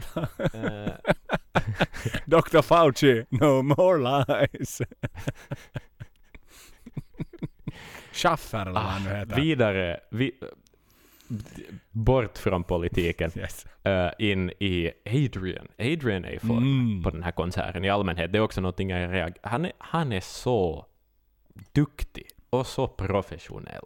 Och då han spelar solon så sitter det, det är så säkert. Liksom, jag, jag, man, man bara njuter. Ja. Och, och hans, eh, den här oktavpedalen som han ganska ofta får in Mhm. I sina Ser man när han eh, trippar på på den här också? eh, spelningen också. Nej, för jag tror det sköts backstage, Aha. kanske av någon tekniker till och med. Jag vet, jag vet inte, för de har ju himla lite gear på scenen. Jo, det är inga stora Och- liksom, vet du, portföljer med grejer så som vanliga gitarrister har. Nej, så, Sina väskor med fastlimmade nej jag, tror pedaler. att, jag tror att det är andra som gör det. Att, att det är någon tekniker som det sköter ju, sånt. det, Eller där de ska har vi stanna en liten stund. Det, det är ju intressant. Alltså när man själva spelar i Mm. rockband. Alla gitarrister de har ju sina de här vet du, fastlimmade väskorna. Med, med Mm. liksom eh, sina x antal pedaler. Men nej, fan, när du säger det. Alltså mig, mig den har aldrig gått att studsa på någonting där. Utan de dansar på scen. De bara För spelar. de har aldrig liksom behövt gå De tillbaka till sitt mixtativ och stampa in någonting för att gå in i nästa del. Nej, nej. De Men det måste ju vara på. jävligt komplicerat för deras gitarr, respektive gitarrtext att, att de då ska vara den typ av manuella mannen som med handen istället för med foten trycker på pedal Mm. change. Jag, jag vill minnas att jag någon gång har sett någon förklara, någon genomgång, teknisk genomgång av hur det funkar, men att de på något vis har någon sorts presets för varje Aha. låt eller något sånt. Nå- något sånt här, Okej. liksom. Men, ja, men det är Men det är intressant. intressant. Det var faktiskt, en ja. intressant Eh, tanke här, du tog fram. här har jag faktiskt också i No More Lies, hur fin den än är och hur bra den här låten än är, så jag tror, jag tror jag är på något på spåret här med det här varför vi hör publiken ganska sällan och lite. Mm. Och eh, då man tar in publiken i den här låten så är det som att det blir... ehm, alltså ibland kan det bli fasfel. Då du har för mycket mickar och för mycket signaler som, som att, saker börjar cancel varandra liksom, på Ja. något vis. Att, att, och, och jag tror att det är det som händer här. Och, och det är också kanske här, kanske det är beviset på att det är hallens fel på det sättet. Att, att det blir liksom då man plockar med rumsljudet och har den här bra mixen av de här torra instrumenten, så då blir det liksom... Uh, det, det försvinner bas, det försvinner vissa frekvenser och sånt. Och det, det reagerar jag på i, i det här. Det liksom, soundet blir helt enkelt sämre då man vrider upp publiken. Mhm. Sådär. Ja men det är klart det är en Eh, kompromiss. men- Jo, jo, exakt.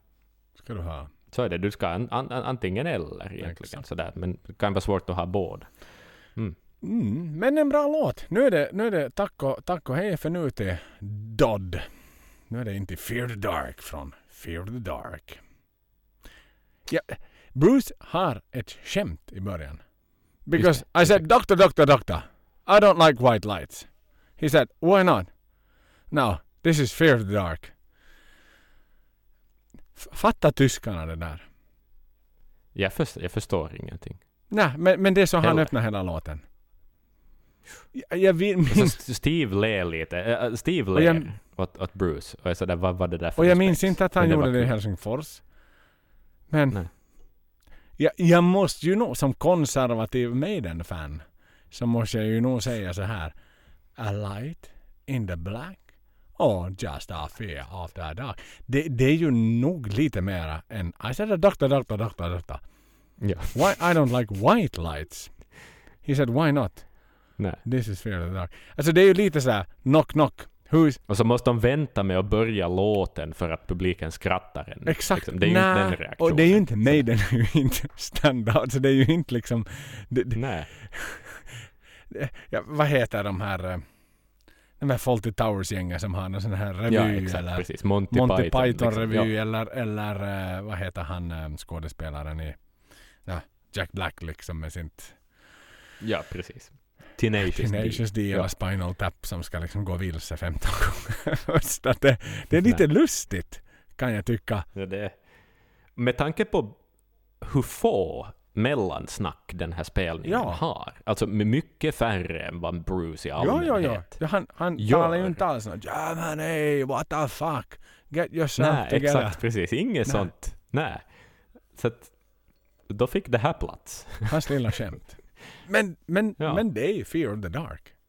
Och de kan den. Tyskarna kan den lika bra som alla andra. Ja. Ehm, Bruce är ju väldigt spexig Mm. I den här versionen också. Första versen sjunger han på något vis på ett, på ett extra berättande sätt på något... Jag vet Du menar den det- lugna Det är nästan delen lite sådär som på en? Ja, lu- lugna delen exakt. Introt, vad vi nu Mm. kallar det. Uh, ja, han, det är nästan vet du, sådär som på en barnskiva på något vis. Alltså som... För tyskar, förklarande. Ja, Man är inte rädd för mörkret. exakt. Ehm, sen en annan liten... Det kanske är därför han skojar bort. För det är en skrämmande låt om folkloristik och häxor. Och tyskar tar honom på ordet. Lätta stämningen lite för så att de inte blir rädda. Exakt. Ja. Eh, sen älskar jag också en annan grej, eh, då Dave spelar solo i den här låten. Så, så ser man, där är det ganska mycket, faktiskt inte så klippt, utan Dave får synas i bild och spela solo. Och bredvid Äntligen. honom så står Janik. Exakt. Bredvid honom står Janik och liksom bara pekar på Dave och liksom hypar Dave och, och på något vis försöker signalera åt publiken att titta på Dave, se vad han Ah. gör, se hur bra han är. På något vis. Jag blir, det gör mig på jättegott humör. Det är Ja, men det är superfint. cool. Ja men det är en lång konsert för Ja. grabbarna på scenen också. Liksom, att det är klart att de kan, speciellt dessa låt, den typen av låt som den här, så sitter ju som så i fingerspetsarna. Så då har de sin Ja. möjlighet att lite... En, De behöver inte fundera så hemskt mycket på den utan den bara kommer. nej, nej, nej. Precis. Så är det. Och en intressant grej här också i klippet, det här skulle jag nästan kunna gå tillbaka och liksom försöka räkna och titta mer analytiskt på. Men det är nästan inte alls som att, alltså Adrian finns inte Aha. i den här låten. Steve har editerat bort videoversionen. honom. Han, han är bortklippt alltså. Han är, Blurra det, det är honom. jättekonstigt. Men han, han finns inte. Ja, eh, Det är sj- sjukt konstigt. var, han någon, men var det just det här med att if one of them has to go it has to be Adrian. För det var ju det som var liksom löftet. Att om inte funkar Ja. med tre Ja. så är det inte Janik som går utan det är Adrian som går.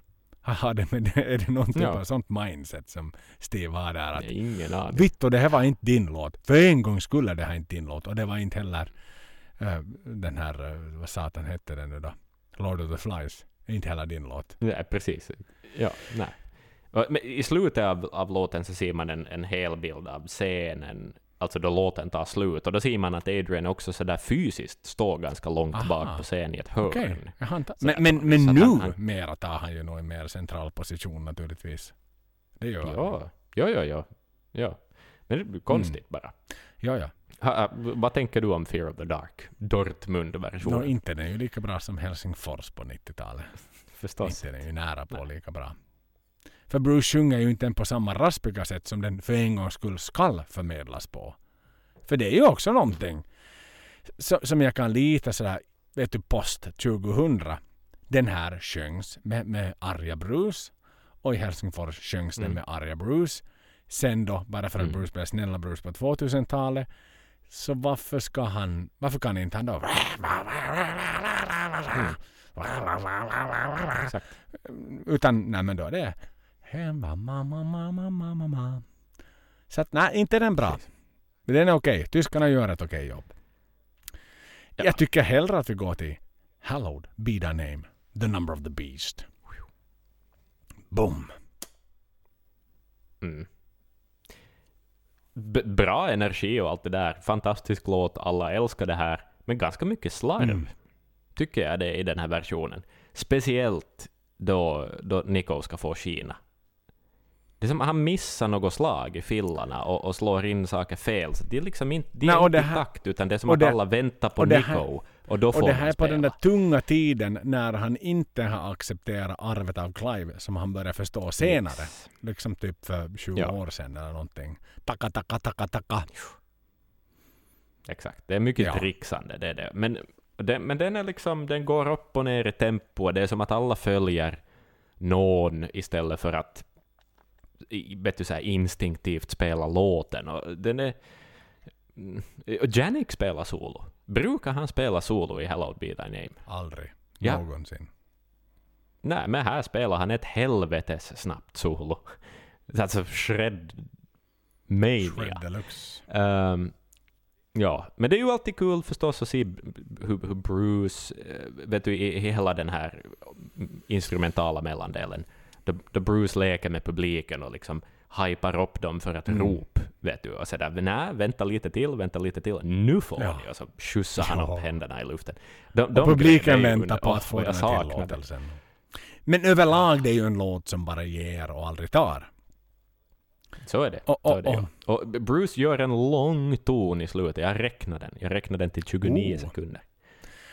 Och i slutet av låten, Steve skjuter som bara fan.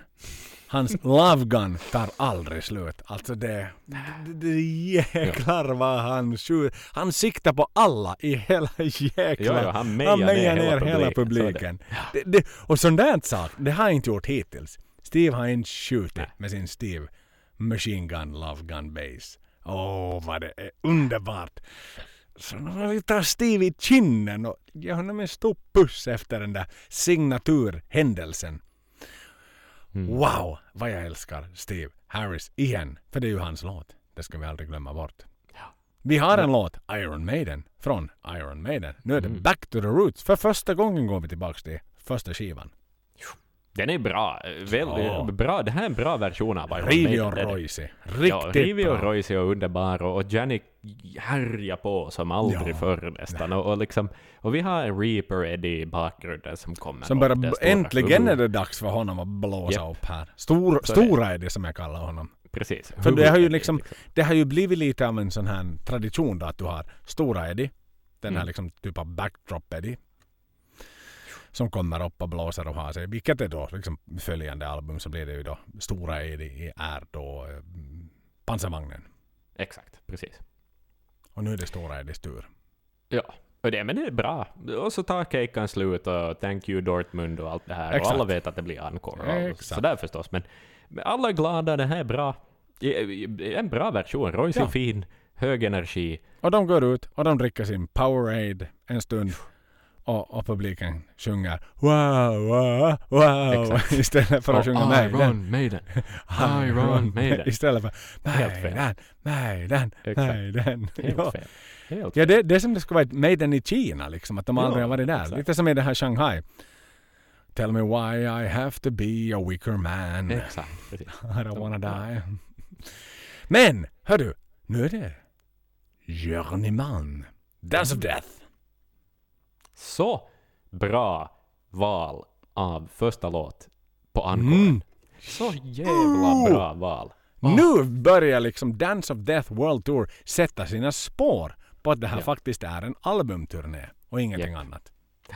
Och det här, det syns så att det här är en speciell stund för bandet. Det märks. Och hur Bruce säger att det här är en låt som handlar om liksom hela processen att, att skriva låtar och att vara musiker på något sätt. Mm. Och, och det är det jag märker också, att det här är ju en låt som den är viktig för mig den, på något vis. Så Och då blir den viktig. viktig för mig också. Ja. Och det är så...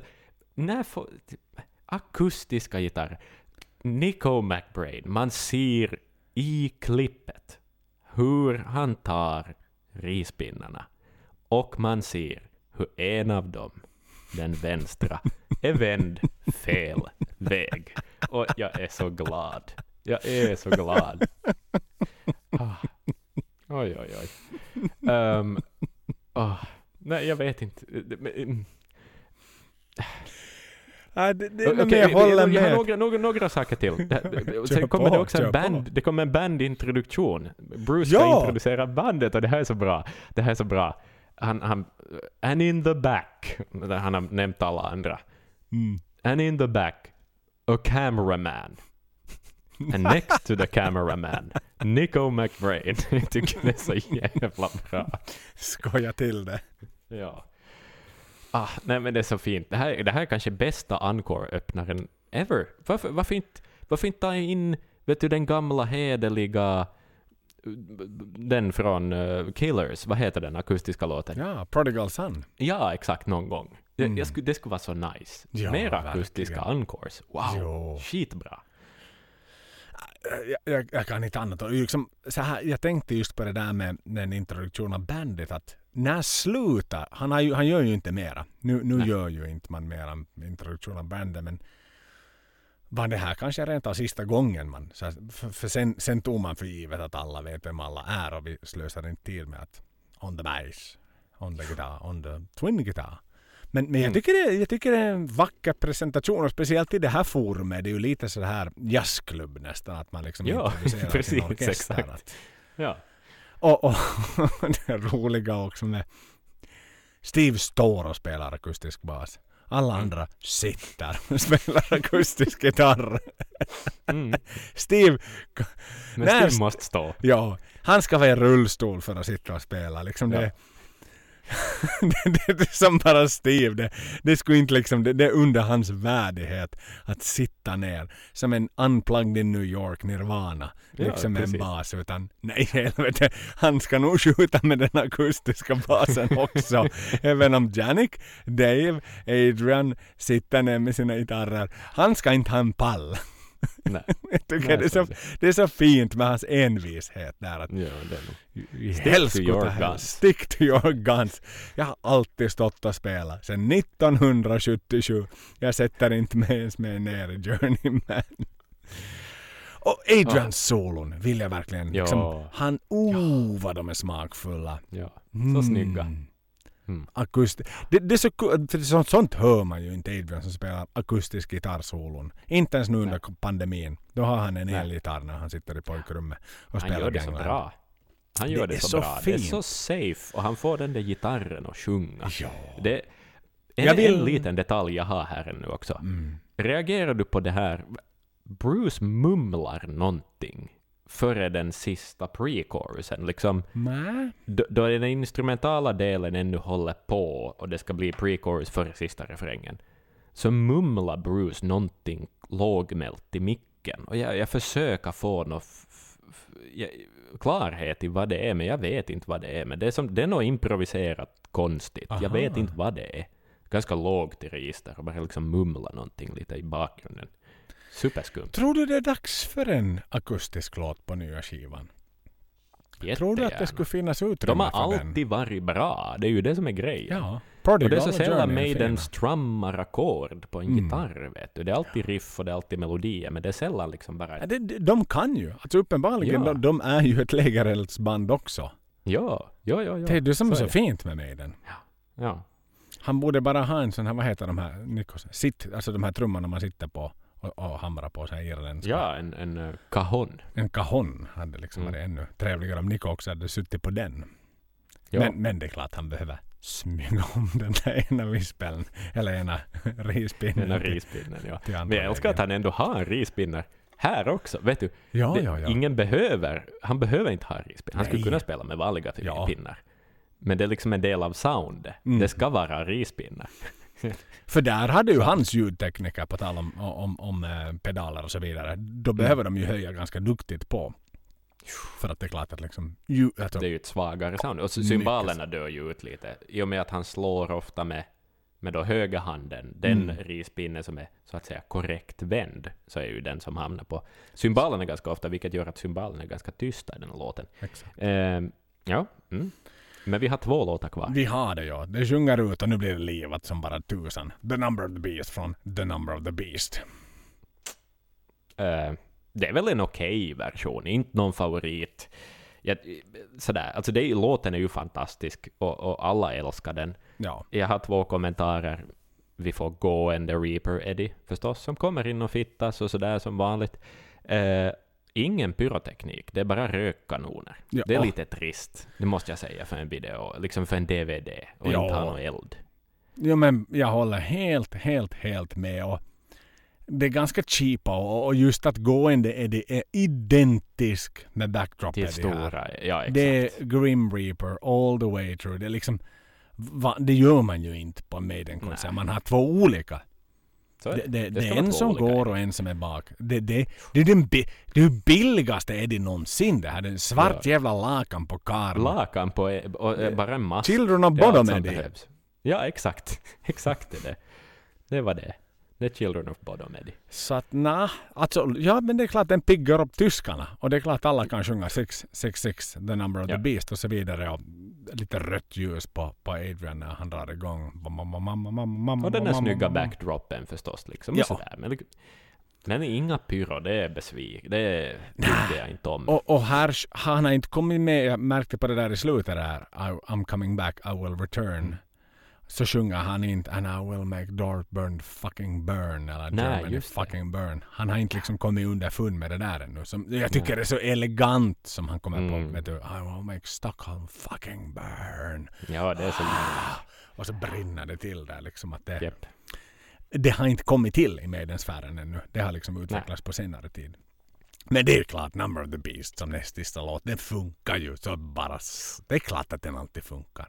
Sen ska det ju sägas att jag tror att Maiden öppna med Number the Beast på turnén innan. Vilket också är lite Aha. spännande. Ser som du, en ser du? öppningslåt. Det har man nog aldrig gjort. Nej.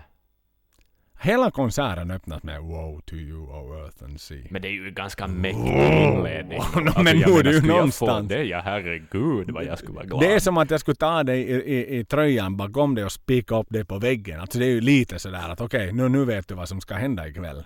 Ja. Om du börjar ja, med den här låten. Men, Wow. men, men det är ju en för evig encore. Men vi har den sist, sist, sista låten. Det är ju såklart Run to the Hills. Från Number of Mm. the Beast. Den med. Ja, enda anteckningen jag har, alltså, bra version. Ja. Eh, tycker jag nog. Det är en skitbra version. Snitsiga hi-hats. Japp, japp, japp. Där redeemar han ju sig själv från att då kanske inte följa Clives fantastiska mönster på, på originalet då. Men, men där skulle jag säga att hans tillägg för att han där till. drillarna. Drillar till liksom de här hi-hat-slagen som gör det lite svårare än vad Clive gjorde det. Än Mm. bara taka taka taka taka taka taka bam bam. Exakt, precis. Trakatakatakataka. Det är en liten sån här. Ja, Ja. traka, Eh, det enda jag skrivit ner här är då Bruce sitter eh, där uppe och, och på något vis sparkar på Nikos symboler. ja, Och det är lite sådär som en zoobesökare försöker få en reaktion av ett djur. vet du? Så, så riktigt irriterande spjuveraktigt på något vis. Sådär. Men, men eh, mm, underbar, Nej, men det- underbar liknelse där. det är run to the hills. Liksom. Det är Run to the Hills. Och de, de, ja. Och de gör den så bra. Och de är så glada efter konserten. Och det är så kul att Ja. kameran... Där igen! Där, där, där är Steve extremt sparsam med klipperna.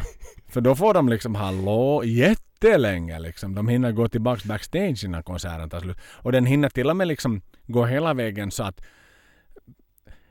till och med publiken nästan har gått och det är bara lila ljus på de här liksom Ja, ja, ja. riddarna som står där bakom. Att då har han nu satans en tid och liksom ha långa klipp och så vidare. Men det är nu så, så dags nu.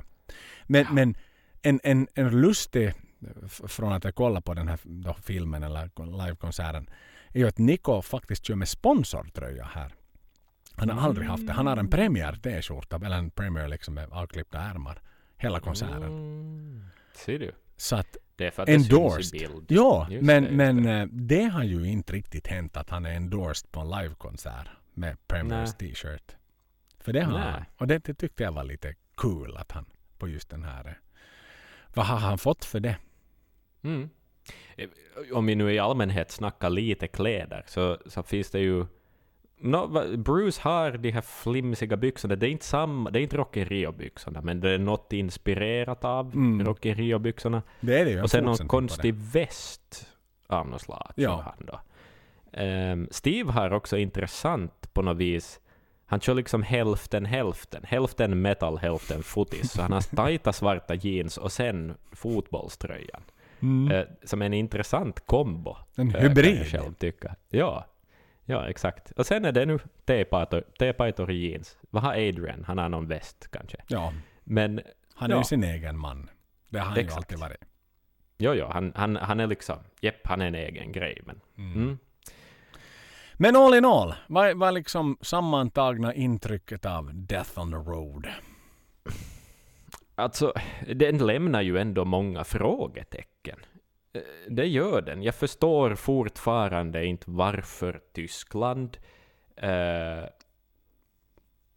tidtabellsmässiga saker eh, också. Just det här med varför dröjde det så länge före vi fick den här inspelningen, alltså Mm. video-DVD-versionen. Klippet är bedrövligt.